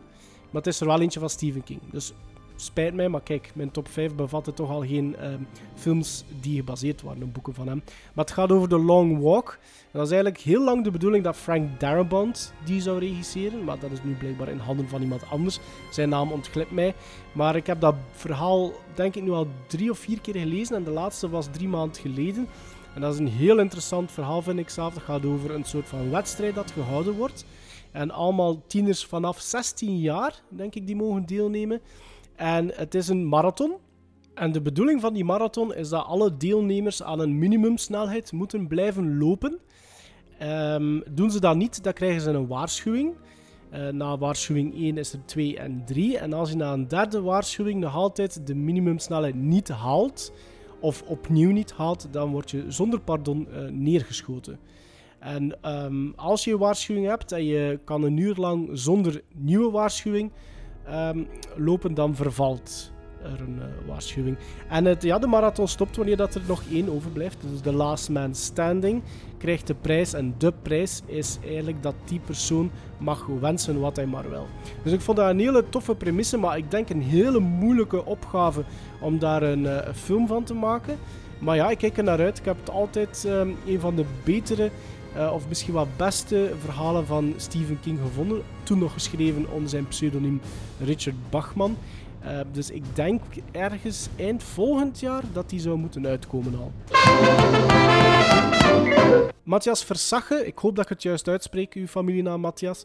Um, had ook een hele rits aan vragen uh, voor mij. En hij begon met Dag Maarten bij deze enkele vragen voor je Summer Special. Je hoeft ze niet allemaal te beantwoorden. Sorry Matthias, ik ga dat ook niet doen. Uh, big fan of de podcast, blijven doorgaan alstublieft. En de eerste die ik eruit gekozen heb, was engste filmscènes uit niet-horrorfilms. Want dat vond ik eigenlijk wel een toffe vraag. En ik heb enkele films uitgekozen en ik ga de scènes proberen heel kort te schetsen. De eerste film is er eentje uit 1991, uh, een sequel namelijk Terminator 2 Judgment Day. En dat is het stukje, het segment, uh, waar ik denk dat Linda Hamilton is, die kijkt naar een playground en een visioen heeft van een, um, een atoombom die daarop valt en de, ja, de, de, de gevolgen um, van die bom uh, op, op de kindjes die daar aan het spelen is. Dat vond ik een hele heftige uh, scène aan die sequel iets traumatiserend, denk ik. Toen ik kind was, was een film uit 1988. Ik denk niet echt dat de bedoeling was van die film om echt te traumatiseren. Maar ik heb het over Who Framed Roger Rabbit. En het gaat hem eigenlijk volledig over de transformatie dat Christopher Lloyd doormaakt op het einde naar het personage van Judge Doom. Ehm, waar dat hij cartooneske ogen en haar en ik denk tanden krijgt. En tot op de dag van vandaag ja, krijg ik daar goosebumps van. We gaan wat ouder, namelijk naar 1971, naar Willy Wonka and the Chocolate Factory. Ik heb het dus niet over de Tim Burton verfilming, maar de originele adaptatie van het boek van Roald Dahl met Gene Wilder in de rol van Willy Wonka. En er zit een stuk in die film dat ze allemaal op een soort van bootje moeten kruipen. Op, uh, ik denk dat dat de chocoladerivier zal zijn. En dat ze een soort van tunnel door moeten gaan. En in die tunnel is dat donker als hel. En er wordt van alles geprojecteerd op de muren van die tunnel. En dat zijn echt wel disturbing images. En ik weet nog hoe dat op een gegeven moment gaat dat bootje sneller, sneller, sneller. En die beelden gaan dan ook sneller, sneller, sneller. En dan is er een shot van Gene Wilder, die precies naar alle inzittenden aan het kijken is. En redelijk amused is van de, ja, de gruwel toch die af te lezen valt op de gezichten. Je hebt altijd in die film een hele speciale um, scène gevonden. Ik heb er nog twee, Matthias. En de voorlaatste is, uh, komt uit de film released in 1996. Met als titel Trainspotting. En de scène in kwestie is die uh, waarin Ewan McGregor aan het afkicken is. En koortsachtige dromen heeft. Uh, waarin een baby een rol speelt. En voor de mensen die Trainspotting al zagen, die weten perfect, denk ik, over wat ik het heb. En voor de rest kan ik het eigenlijk moeilijk uitleggen, want de relevantie van die baby komt daarvoor eigenlijk al aan, aan bod. Dus ik kan het juist niet volledig uitleggen om spoilers te vermijden. Maar dat is een van de, een van de engste scenes uh, ever, vind ik. En voor mijn nummer 1 is het een klein beetje cheaten in mijn eigen hoofd, want de volgende titel is eigenlijk een van de meest realistische horrorfilms, vind ik toch, ooit gemaakt. Maar het kan, want volgens IMDb is het uh, enkel en alleen maar een drama. Um, het is een film uit 2000 en het is Requiem for a Dream, of Requiem for a Dream, hoe dat je het ook wil zeggen. En het is moeilijk om te zeggen, dit is de engste scène eruit, want volgens mij is de ganse tweede helft van die film een aaneenschakeling van uh, enge scènes. Zowel wat er gebeurt met het uh, personage van Jared Leto, als Marlon Wayans, als Jennifer Connelly. Het is kommer en kwaal, maar het kruipt zo onder je huid. Ook wat er met Ellen Burstyn, de moeder van Jared Leto, in die film gebeurt. Het is, het is gewoon misselijkmakend na misselijkmakend. En het, en, het komt dan nog allemaal samen op het einde. En dan is het nog duizend keer erger uh, wat er gebeurt. Dus ja, voor mij op nummer 1, zonder enige twijfel, is uh, for a Dream. Purple in the morning, blue in the afternoon, orange in the evening. Just like that.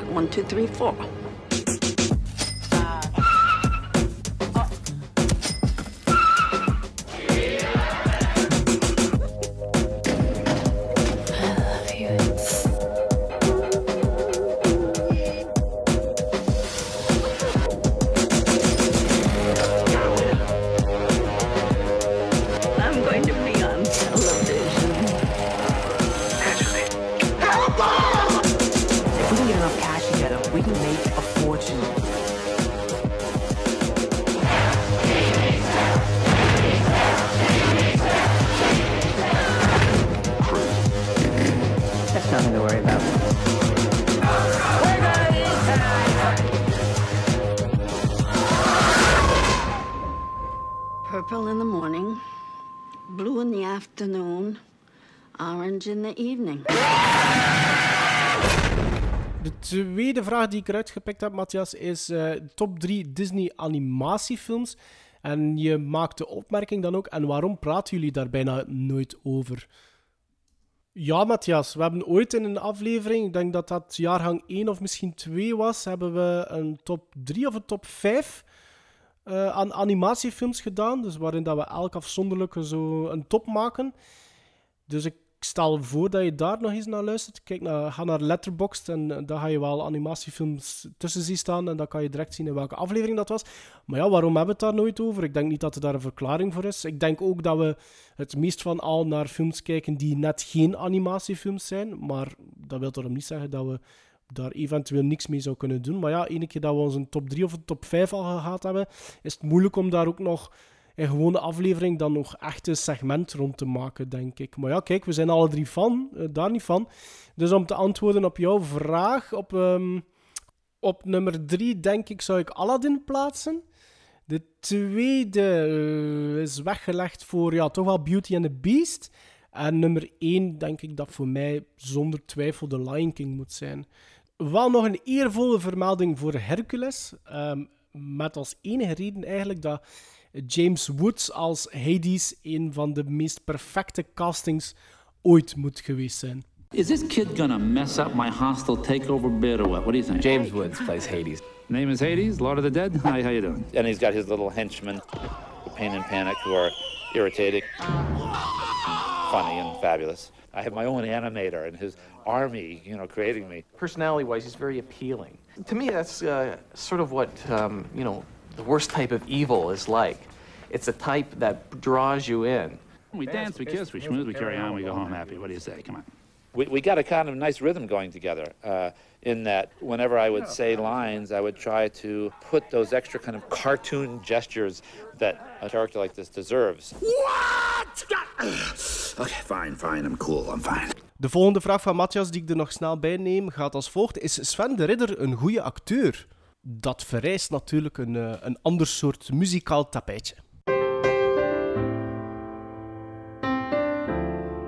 Matthias, ik vind Sven absoluut een hele goede acteur zelfs. Je zou kunnen zeggen dat dat misschien een beetje biased is, omdat ik Sven ondertussen al vier jaar ken. En dat speelt misschien een klein, kleine rol, misschien. Al denk ik dat ik, gewoon door het feit dat ik al heel veel films gezien heb, dat ik wel kan zien of dat ik een acteur goed of, of slecht vind. Maar ik, ik, ik denk en ik vind oprecht dat Sven een hele goede range heeft. Ik heb die ooit um, de de Vlaamse Man of a Thousand Faces uh, genoemd, naar uh, Lon Chaney. Maar ik heb ook het geluk gehad, of het genoegen gehad, om, om Sven zijn showreel te mogen monteren. En um, die bracht op dat moment een berg aan dvd's en, ander beeldmateriaal aan natuurlijk, over de reeks waar dat hij meegespeeld heeft. En ik moet eerlijk zeggen, van al de stukken die ik geselecteerd heb en de aflevering die ik gezien heb, uh, van series en, en, en stukken uit films, dan ik moet echt zeggen dat die heel volgens mij heel versatile is. En dat hij eigenlijk eh, heel veel genres aan kan. Ik denk dat hij gerust nog mag gevraagd worden voor genres dat hij nooit niet in meegespeeld heeft. Ik zou Sven perfect in een horrorfilm bijvoorbeeld nog kunnen zien. Um, maar de man heeft al heel veel gedaan en is al actief geweest in heel veel genres. Als je het echt over Hans zijn uiveren bekijkt, um, op film- en, en televisievlak, ook niet vergeten, ik weet natuurlijk niet hoeveel luisteraars van de podcast Sven ooit al zijn gaan uh, bekijken uh, in het uh, theater. Zeg maar nu met de Sven de Ridder Company of, of vroeger nog met het echte Antwerps Theater. Of stukken waar hij gewoon gevraagd geweest is als, als acteur. Ja, die zijn ook wel echt de moeite hoor. Van al die zaken, die verschillende zaken dat ik nu al heb opgenoemd, heb ik Sven denk ik al zes keer op de planken gezien. En er gebeurt toch wel altijd iets als fan op, op, op uh, tevoorschijn komt. Je voelt dat ook aan het publiek. Het is moeilijk te verklaren. Een van de, de, beste momenten, ik heb Sven dat ook achteraf verteld, was toen ik ben gaan kijken met mijn vrouw naar Iedereen Beroemd. Theaterstuk die gebaseerd is op de, de film van Dominique de Rudder. En uh, ja, op het einde stikte daar een monoloog af en ik kreeg daar kippenval van. Je moet het toch maar doen, omdat voor een, een, een, een live audience te doen. En je doet dat niet één keer, maar je doet dat meerdere keren natuurlijk. Maar ongeacht of dat ik hem al in stukken van, van zijn hand gezien heb, samen met, um, geschreven samen met Brik van Dijk, of vroeger in, in, um, het echt Antwerps Theater, of in Stuk Ongeluk, of in Iedereen Beroemd. Ja, Sven is echt een... Die, die heeft een, een, een, manier waarop dat hij een publiek kan grijpen. En ik denk dat dat heel belangrijk is als, als acteur en dat dat ook iets wil zeggen. Als laatste, Matthias, heb ik nog deze eruit gepikt. Hoe groot is je filmcollectie en ooit gedacht om er enkele te verkopen of te ruilen? Ik heb er even mijn app bij genomen die ik op mijn telefoon heb staan om mijn collectie bij te houden. En de teller staat momenteel op 2643 entries. Uh, maar daar zitten wel een paar, allee, paar, daar zitten wel nog wat boxen bij. En die aanziet hij als één titel. Dus ik denk dat ik eerder richting de... Goh, even rond mij kijken. Ik denk dat ik rond de 2800 titels daar ga zitten, zoiets. In die trant. En uh, heb ik er ooit aan gedacht om het te verkopen of te ruilen. Ik heb er in het verleden al een paar verkocht.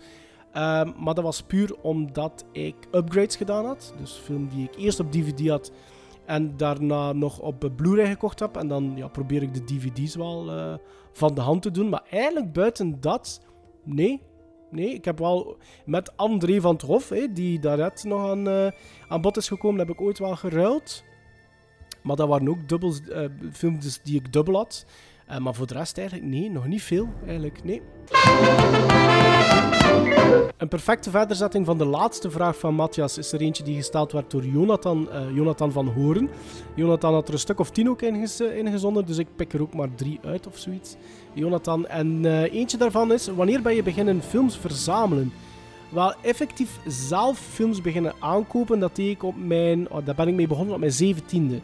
Ik ben van november en op mijn zeventiende uh, begon ik dus aan mijn hogere studies. Zat ik in Kortrijk op, op, op studio. En ik weet nog goed dat er in Kuurne, wat heel dicht daarbij is, een uh, shoppingmall was en dat daar een free record shop in zat. En ik zie mij nog altijd eigenlijk daar binnen gaan. Um, en denk met een stuk of twintig films uh, buiten komen. Als ik mij niet vergis, zat. Ja, zaten Demons 1 en 2 van Lamberto Bava daarbij.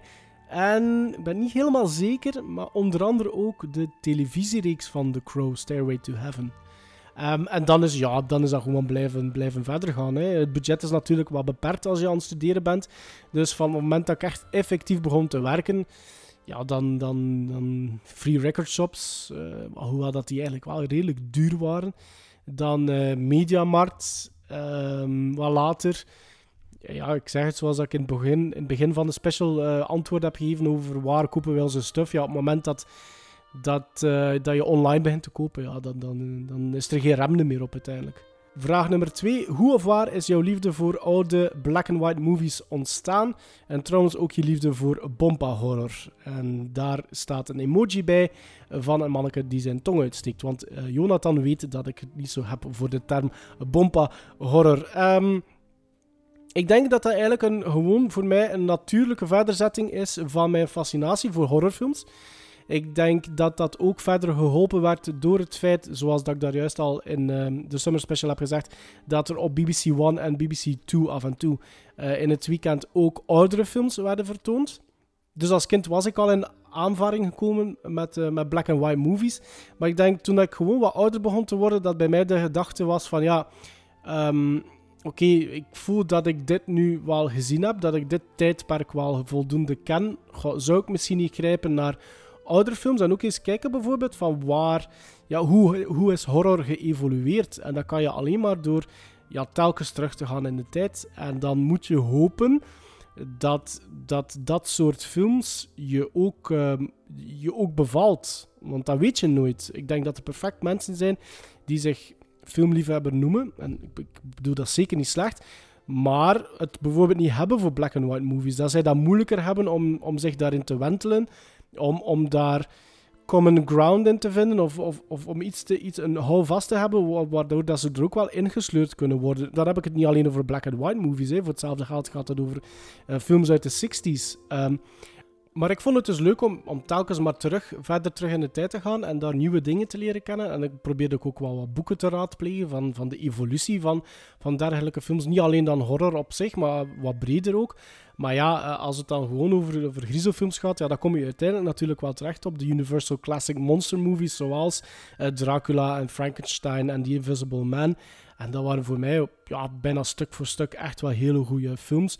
En is het vooral opvallend gewoon om te zien, één, zoals ik al zei, hoe een genre geëvolueerd is, maar ook um, hoeveel hedendaagse films, laten we zeggen, films die gemaakt zijn in de, de voorbije 20, 30 jaar, hoeveel films dat er schatplichtig zijn aan films die gemaakt werden, pakweg vanaf de jaren 20 zelfs, 20, 30, 40, 50. En hoe bepaalde films of een samenraapsel van films in een bepaald subgenre een soort van blauwdruk geworden zijn voor films die jaren later uh, verschenen zijn. Zoals bijvoorbeeld uh, de, de, de Haunted House films die vroeger gemaakt zijn, zoals The Haunting of House on Haunted Hill. Uh, die soort van, ja, de, de beste elementen samen die je nog altijd ziet terugkomen in, in, in films die vandaag de dag gemaakt worden. Dus het is misschien niet voor iedereen weggelegd, maar als je echt houdt van van film of zelfs van een bepaald genre, zou ik toch altijd aanraden van ja, keer eens terug en, en zoek titels op uh, die, die gemaakt zijn, bijvoorbeeld in de 50s of, of ga terug naar de 40s. Uh, je vindt nagenoeg alle genres terug. In ieder decennium. Dus, dus grijp eens terug en kijk eens of dat je dat ook bevalt. En als dat zo is, dan gaat er wederom een nieuwe wereld uh, normaal gezien opengaan voor u. De laatste vraag, Jonathan, die ik geselecteerd heb van jou. Uh, op welke manier kijk jij het liefst een film? Uh, wel, ik ben een hele slechte slaper. Um, wat dat wil zeggen dat ik meestal vroeg wakker word. Pakt rond een uur of vijf, s ochtends. En ik gebruik die tijd om met een eerste koffie eigenlijk in mijn zetel te gaan zitten en naar een film te kijken al. Het is dan heel rustig, het is dan nog donker. Je hebt geen last van omgevingsgeluiden. En als je dan naar een film kijkt, eerlijk gezegd, ik vind dat eigenlijk een fantastisch begin van mijn dag. Tegen dat de film gedaan is, heb je hopelijk een goede film gezien. Kan ook anders natuurlijk. Hè. Maar het is een leuke manier om, uh, vind ik, om mijn dag te starten. Je bent tegen het einde al drie koffies verder, in mijn geval. Goed wakker. Dus ik, eh, hoe kijk je het liefst naar een film? Misschien niet het juiste antwoord, maar ik, ik geniet daar wel super hard van, van op die manier te kunnen doen. Stefan Doge uh, heeft ook een, uh, een, paar vragen ingestuurd. Hi Gremlins en dan vooral Maarten. Hopelijk ben ik nog niet te laat met mijn vragen voor Maarten Summer Special. Vraag 1. Sequels. Volgens mij hebben jullie het daar nog niet veel over gehad. Wat was voor jou nu eens de beste sequel aller tijden? En tussen haakjes buiten dan Godfather 2 of Empire Strikes Back. En welke was nu echt overbodig en zou moeten verbannen worden uit de analen van de film? Laten we dan beginnen met um, de beste sequels. Um, dan moeten we natuurlijk kijken naar franchises. Um, ik vond de tweede X-Men film vond ik heel goed. Uh, denk X2, X-Men United. Ik denk dat dat begin 2000 moet geweest zijn.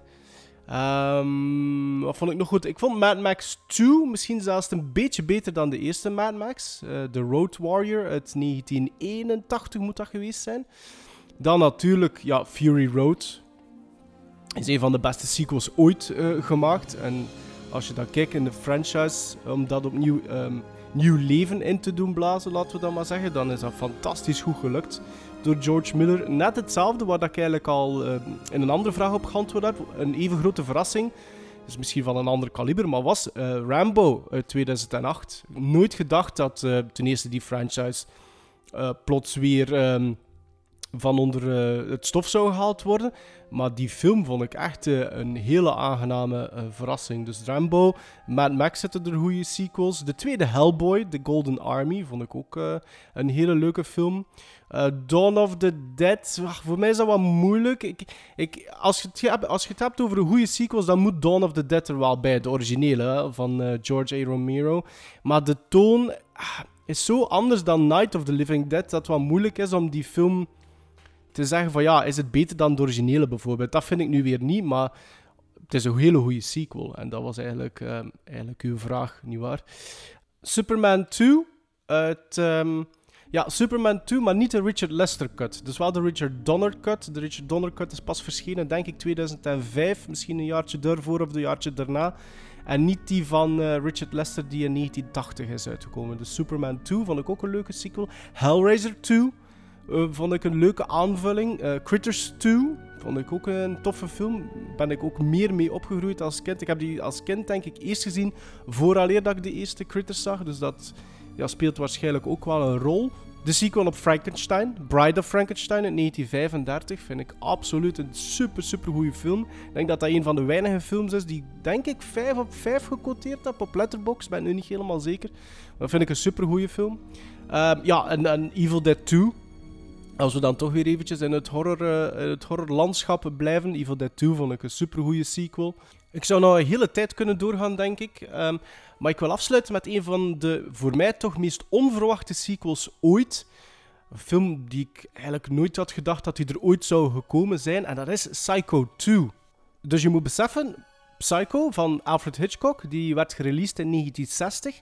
En het duurde maar liefst 23 jaar vooraleer um, Psycho 2 op de wereld werd losgelaten. En Psycho 2 is een film die geregisseerd werd door uh, Richard Franklin, een Australiër die in uh, de jaren 80 Link heeft geregisseerd. Ik denk dat Sven het daar ooit eens over gehad heeft in een van de podcastafleveringen, waar dat er een aap uh, centraal een rol in speelt. maar hij heeft ook Patrick gedaan, een Australische film uit eind jaren 70. Zo wat een psycho-thriller horrorfilm. Ja, en dan kwam Psycho 2 eraan. En wat er ook fantastisch is aan Psycho 2, is dat hij geschreven werd door Tom Holland. En Tom Holland kennen we natuurlijk allemaal als de regisseur van um, onder andere uh, Fright Night en Child's Play. Maar uh, hij heeft zeker ook meegeschreven aan films die toch wel bekend zijn. Zoals The Beast Within uit 1982, een weerwolvenfilm. Of uh, The Class of 1984 heeft hij geschreven. En dat is de originele film uh, met als sequel The Class of 1999. En Bart heeft die film ooit gekozen toen hij op zoek moest gaan naar een film met Pam Grier, uh, die hij nog niet gezien had. Uh, Psycho 2, Fright Night natuurlijk. En Child's Play heeft hij natuurlijk ook wel geschreven. die laatste twee heeft hij ook geregisseerd. Maar dus Psycho 2 was echt een meevaller. Een hele slimme uh, aanpak om na 23 jaar die franchise opnieuw leven in te blazen. En het toffe daaraan was dat uh, niet alleen Anthony Perkins um, terug de lead role op zich nam, maar dat Vera Miles uh, opnieuw haar opwachting maakte.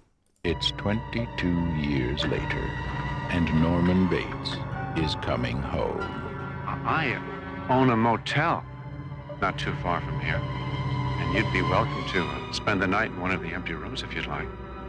Good night, Mary. And he's back in business. Who is this? My mother is dead.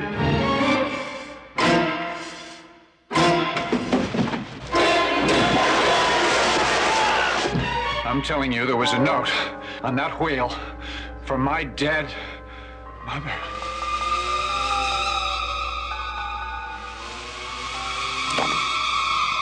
Norman, it couldn't be your mother. It had to be someone else.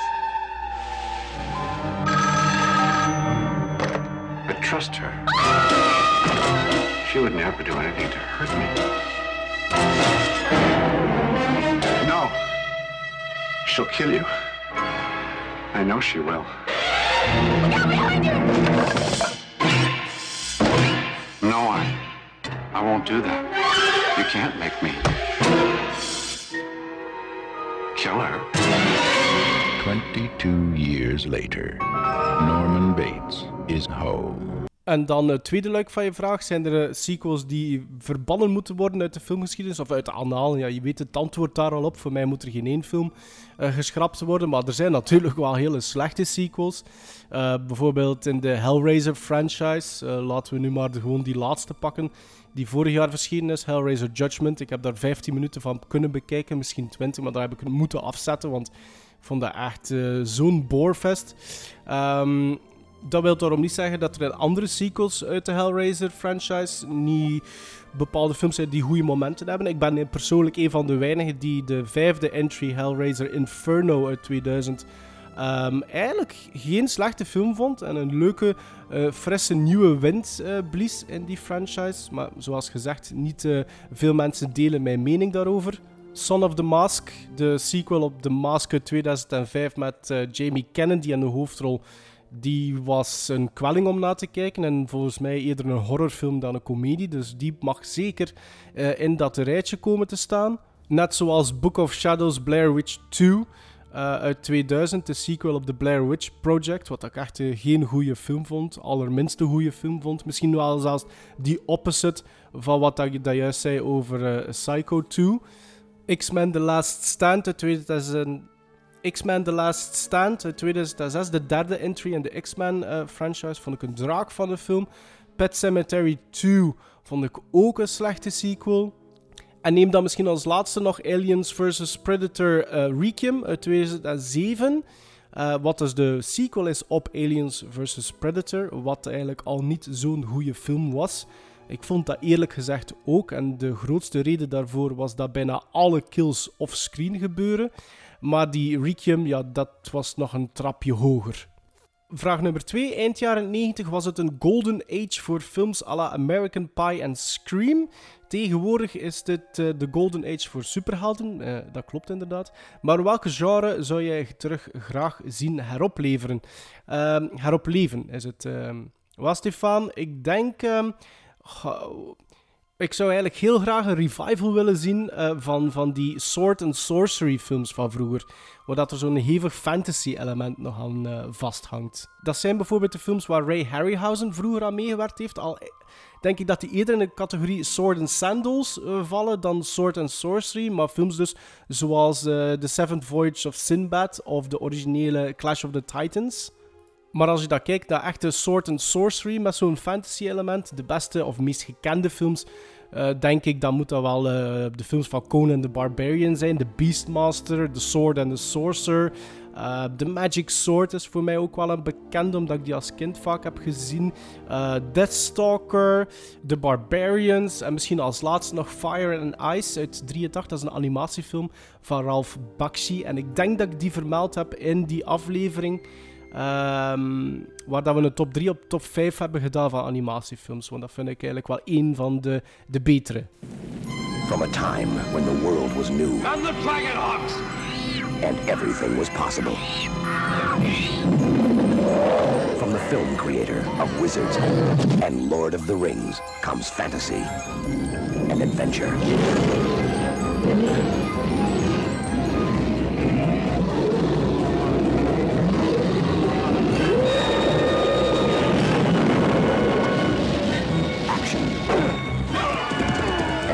Fire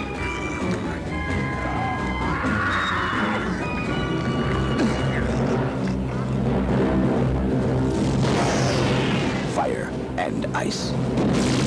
An unstoppable force is coming, crushing everything in its path. Necron, merciless lord of the Ice Kingdom, master of the powers of evil. Between him and world domination stand Tigra, princess of the Kingdom of Fire. Fire and ice.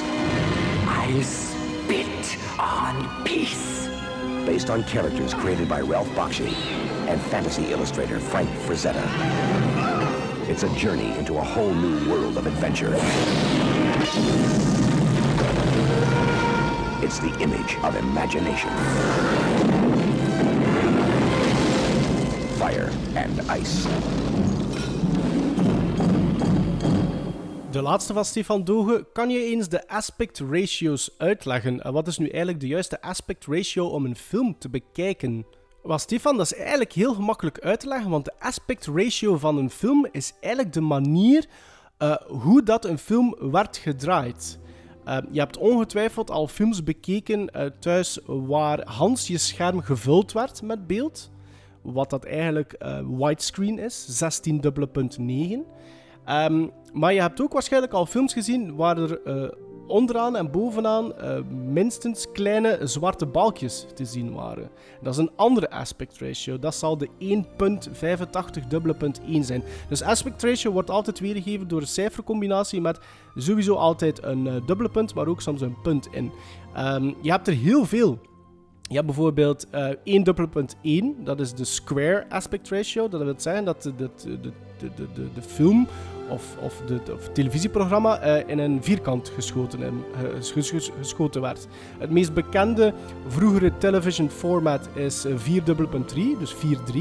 En dat wil zeggen dat je, als je dat nu zou bekijken op een modern televisietoestel, dat je zowel links als rechts dikke zwarte balken hebt. Um, 16.9, uh, ofwel 16 dubbele punt 9 moet ik eigenlijk zeggen. Dat is wanneer dat je, uh, je televisiescherm volledig gevuld wordt uh, met beeld. En als we dan meer gaan kijken naar um, aspect ratios die van toepassing zijn naar cinema, dan heb je echt wel heel, heel, heel veel. Dus die 1.85 dubbele punt 1 heb ik al daar juist gezegd. Dan heb je kleine zwarte balkjes boven en onderaan. En dan uiteindelijk ga je steeds maar verder. En hoe verder dat je gaat, hoe nauwer je, je, je, je beeld wordt en hoe dikker de zwarte balken boven en onderaan.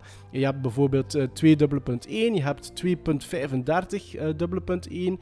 Um, dus dat wil eigenlijk gewoon zeggen dat je beeldformaat, uh, je, je, de, de, het beeld eigenlijk altijd maar nauwer um, wordt. Dat had ook te maken met de pellicule die bijvoorbeeld gebruikt werd om, om te draaien.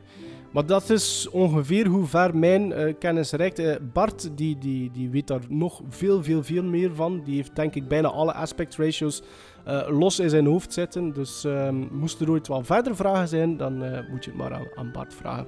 Wat heel belangrijk is om films in een juiste aspect ratio te bekijken op jouw televisie, is dat je een naar de instellingen moet gaan van je televisie. Want er zijn bepaalde televisietoestellen die standaard hebben ingesteld dat ze sowieso uh, alles gaan inzoomen zo, zo, zodanig dat Hans het beeld gevormd wordt, gevuld wordt. Dus dat wil zeggen van, van een film die die zwarte balken heeft boven en onderaan, dat ze dat gaan vergroten, waardoor dat die balken niet meer zichtbaar zijn. Maar dat wil dan natuurlijk zeggen dat je beeldinformatie links en rechts mist. En dat kan natuurlijk de bedoeling niet zijn. Dus een manier om dat na te gaan is te, bijvoorbeeld te kijken op de achterkant van je DVD of je Blu-rays. Want normaal gezien moet daar altijd onderaan bij die technical details, moet daar altijd zo'n combinatie van cijfers met een punt en een dubbele punt op staan. En nu heb je ondertussen al een klein beetje kennis. Dus van zodra bijvoorbeeld dat je 1.85 uh, dubbelpunt 1 uh, zou zien, dan weet je dat je ergens zwarte balkjes moet zien boven en onderaan. Is dat niet zo, ja, dan is er waarschijnlijk wel iets mis met de instellingen uh, van je televisie. Pas op, er zijn ook van die oude DVD's waar dat erop gaat staan op de achterkant dat het fullscreen 4.3 is of zoiets. Uh, maar dat wil daarom niet zeggen dat die film zo gedraaid is. Dus het is ook altijd een slim idee of een goed idee om op IMDb te gaan en de titel op te zoeken. Want op IMDb vind je bij de technical details altijd de aspect ratio, de correcte aspect, aspect ratio waarop die film uh, gedraaid werd. En om nog misschien de laatste keer die boutique of quality labels te bestoeven, ik heb hier de Silent Running film voor mij, uh, uitgegeven door Eureka. En het toffe aan die edities, bij het boekje die altijd ingesloten zit op de laatste of de voorlaatste pagina's, staat, staat er iets genaamd Notes on Viewing. En hier staat er: Silent running was shot in the 1.85.1 aspect ratio. When viewing on widescreen systems, the display mode should be double checked so that the film appears with its original dimensions intact. En dan tussen haakjes, thin black bars at the top and bottom of the image. En op die pagina staat er dan ook nog drie screenshots, twee ervan incorrect. Dus hoe je als je televisie de film zo weergeeft dat je weet van het klopt niet. En dan natuurlijk nog eentje van uh, hoe het wel zou moeten zijn. De Summer Special ga ik stoppen met de enkele vragen uh, die gesteld geweest zijn door Lorenzo Knol. Hij had ook een redelijke lange e-mail daarbij gestoken, vooraleer dat, er, dat hij aan de vragen kwam. Ik ga daar gewoon heel kort uh, wat stukken uit voorlezen. Hallo Maarten, Sven en Bart, ik ben een van jullie nieuwe luisteraars. Ik had al een paar keer gehoord van de Gremlin Strike Back podcast, maar had steeds het gevoel dat dit een soort 10 voor 12 tijdverdrijf zou zijn, maar niets is minder waar. Ik vind het fantastisch wat jullie doen en beluister de ene na de andere aflevering. Hij schetst zichzelf ook een beetje. Uh, 32 jaar is hij, opgegroeid met films als Jurassic Park, Home Alone, The Goonies en uiteraard The Gremlins. Tijdens mijn prille tienerjaren gingen mijn ouders meermaals per week naar de videotheek. Fantastische ouders, Lorenzo. En schotelden mij allerlei films voor. En een film die hem altijd is bijgebleven en die onlangs op Blu-ray heeft aangekocht is Fallen. En Fallen is inderdaad een uh, goede film. Ik heb die vroeger ook vaak gezien. Het is er eentje met opnieuw Denzel Washington in de hoofdrol. Um, en als ik me niet vergis, gaat die film over een seriemoordenaar die Denzel Washington weet te vatten. Die op de elektrische stoel, dacht ik, terechtkomt. Maar niet veel later um, worden er nieuwe moorden gepleegd.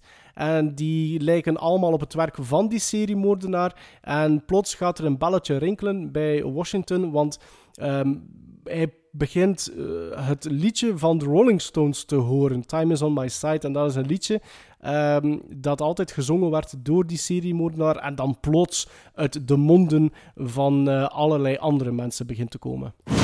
Edgar Reese. Who's here? It's the brilliant detective who sealed my brutish fate. Remember this, Hobbs? What goes around really goes around. You have a safe trip, yeah? Is on my side. Go ahead! Light up my life! Criminals like Reese, they kill a few people somehow, it ain't their fault. But what took place tonight is the consequences of what I do. You're home early today. Boy, change. Detective John Hobbs wants to uncover the truth. What does Azazel mean? Now, my dictionary says that evil spirit of the wilderness. Walk away, Mr. Hobbs. But nothing in this world is on my side. can help him solve this case. There are angels. Some of these angels were cast down, and a few of the fallen were punished by being deprived of form. Come on, get out of here. And each touch And at the execution, did he try and touch you? Yeah, he did, actually. passes the soul of a killer into someone new. Well, I believe what I see, and I'm still trying to get my mind around what I just saw. Some things, pal, you shouldn't know. Haven't you done enough, huh? Time is on my side. Fallen. Lorenzo had ook eigenlijk een karrevracht aan vragen. Dus Lorenzo, ik ga net zoals bij de rest ook wel een paar er maar uitpikken. En de eerste is: eh, Denk je s'avonds tijdens een film ook wel eens, ik had eigenlijk al in bed moeten liggen? Of denk je op het einde van de maand ook wel eens, heb ik deze maand echt weer 15 films gekocht? Eh, dat laatste, dat is nogal frequent dat dat gebeurt, ja. Eh, s'avonds tegenwoordig denk ik eerder van: het is jammer dat ik nu al moe ben, want ik zou graag nog naar een film willen kijken. Uh, maar ik zei te compenseren dat dan natuurlijk doordat, het, uh, doordat ik eigenlijk vroeg opsta. Buiten de films die we bekijken voor de podcast, wat dat er toch meestal altijd uh, drie zijn, probeer ik op een, ja, pakt in een tijdspanne van een tiental dagen toch zeker nog drie of vier films te bekijken.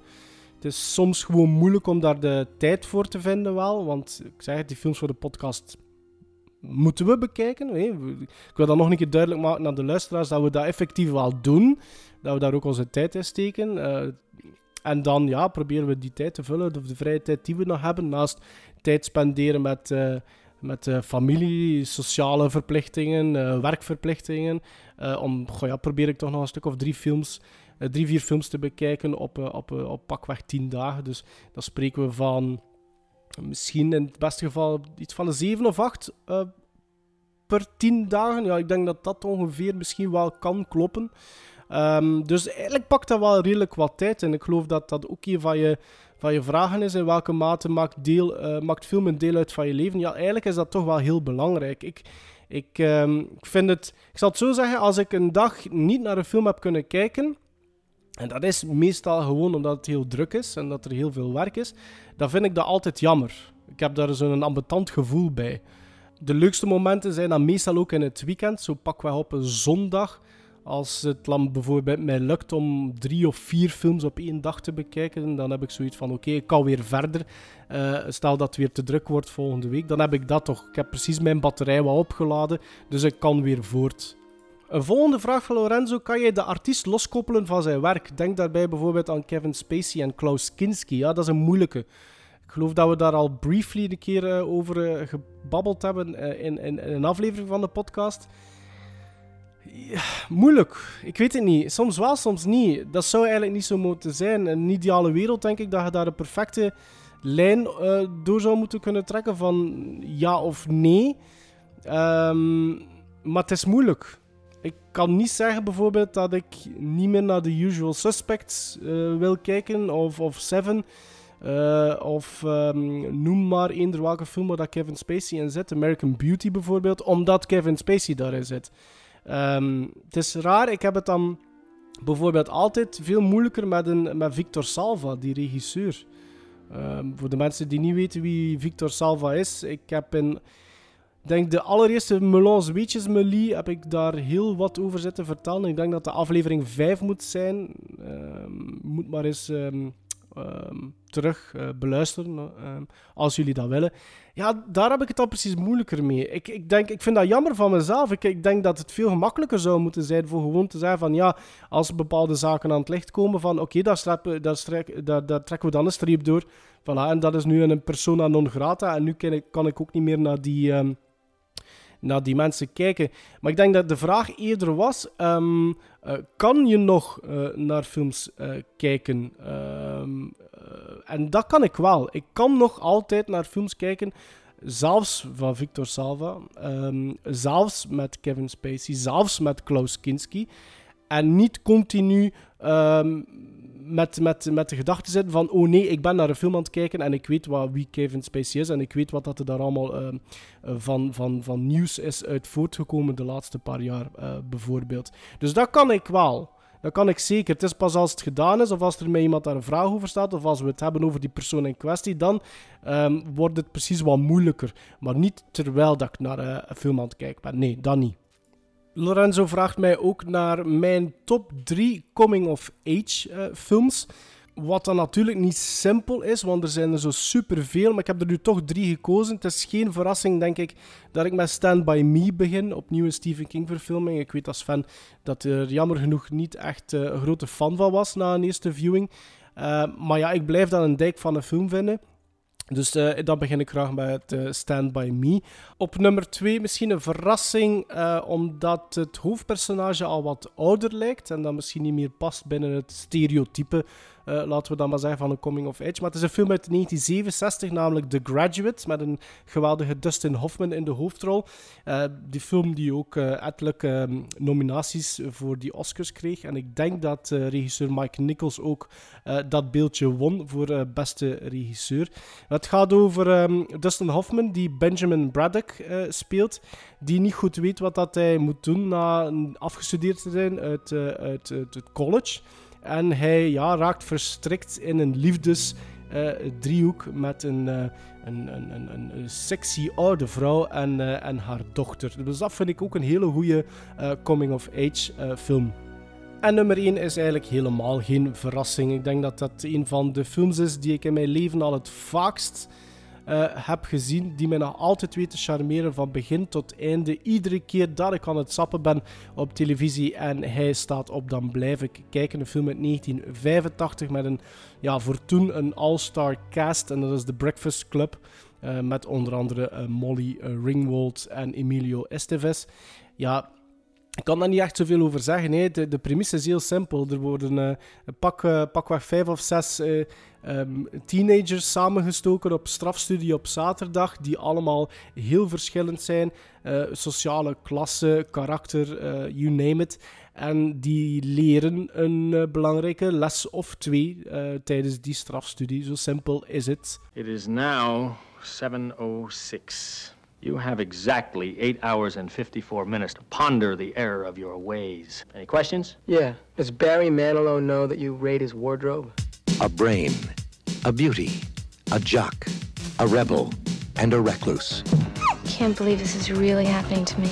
Before this day is over, they'll break the rules. Chicks cannot hold their smoke. That's what it is. Bare their souls. I'm a nymphomaniac. Are your parents aware of this? Take some chances. Being bad feels pretty good, huh? And touch each other in a way they never dreamed possible. Why'd you do that? Because I knew you wouldn't. The Breakfast Club. They only met once. I don't want to be alone anymore. You don't have to be. But it changed their lives forever. I mean, I consider you guys my friends. I'm not wrong, am I? Universal Pictures presents Emilio Estevez, Paul Gleason, Anthony Michael Hall, Judd Nelson, Molly Ringwald, and Ali Sheedy in a John Hughes film. Why are you being so nice to me? Because you're letting me. The Breakfast Club.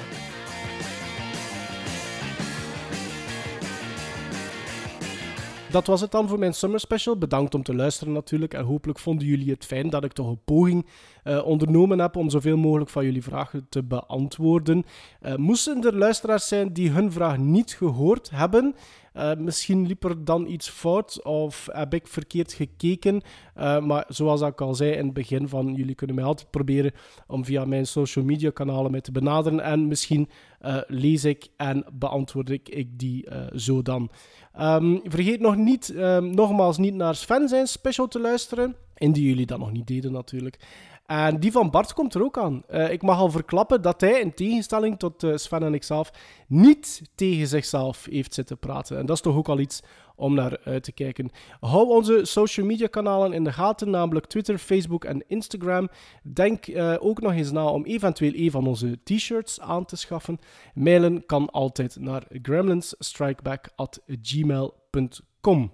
Indien er luisteraars zouden zijn die zich afvragen welke muziek ik nu doorheen mijn Summer Special heb gebruikt, wel, dat waren allemaal tracks van The Postman uh, van Kevin Costner, de soundtrack dus, want dat leek mij eigenlijk wel redelijk passend. Nogmaals, ik hoop dat alles duidelijk was. Ik hoop dat ik jullie vragen op een uh, heldere en duidelijke manier heb proberen te beantwoorden.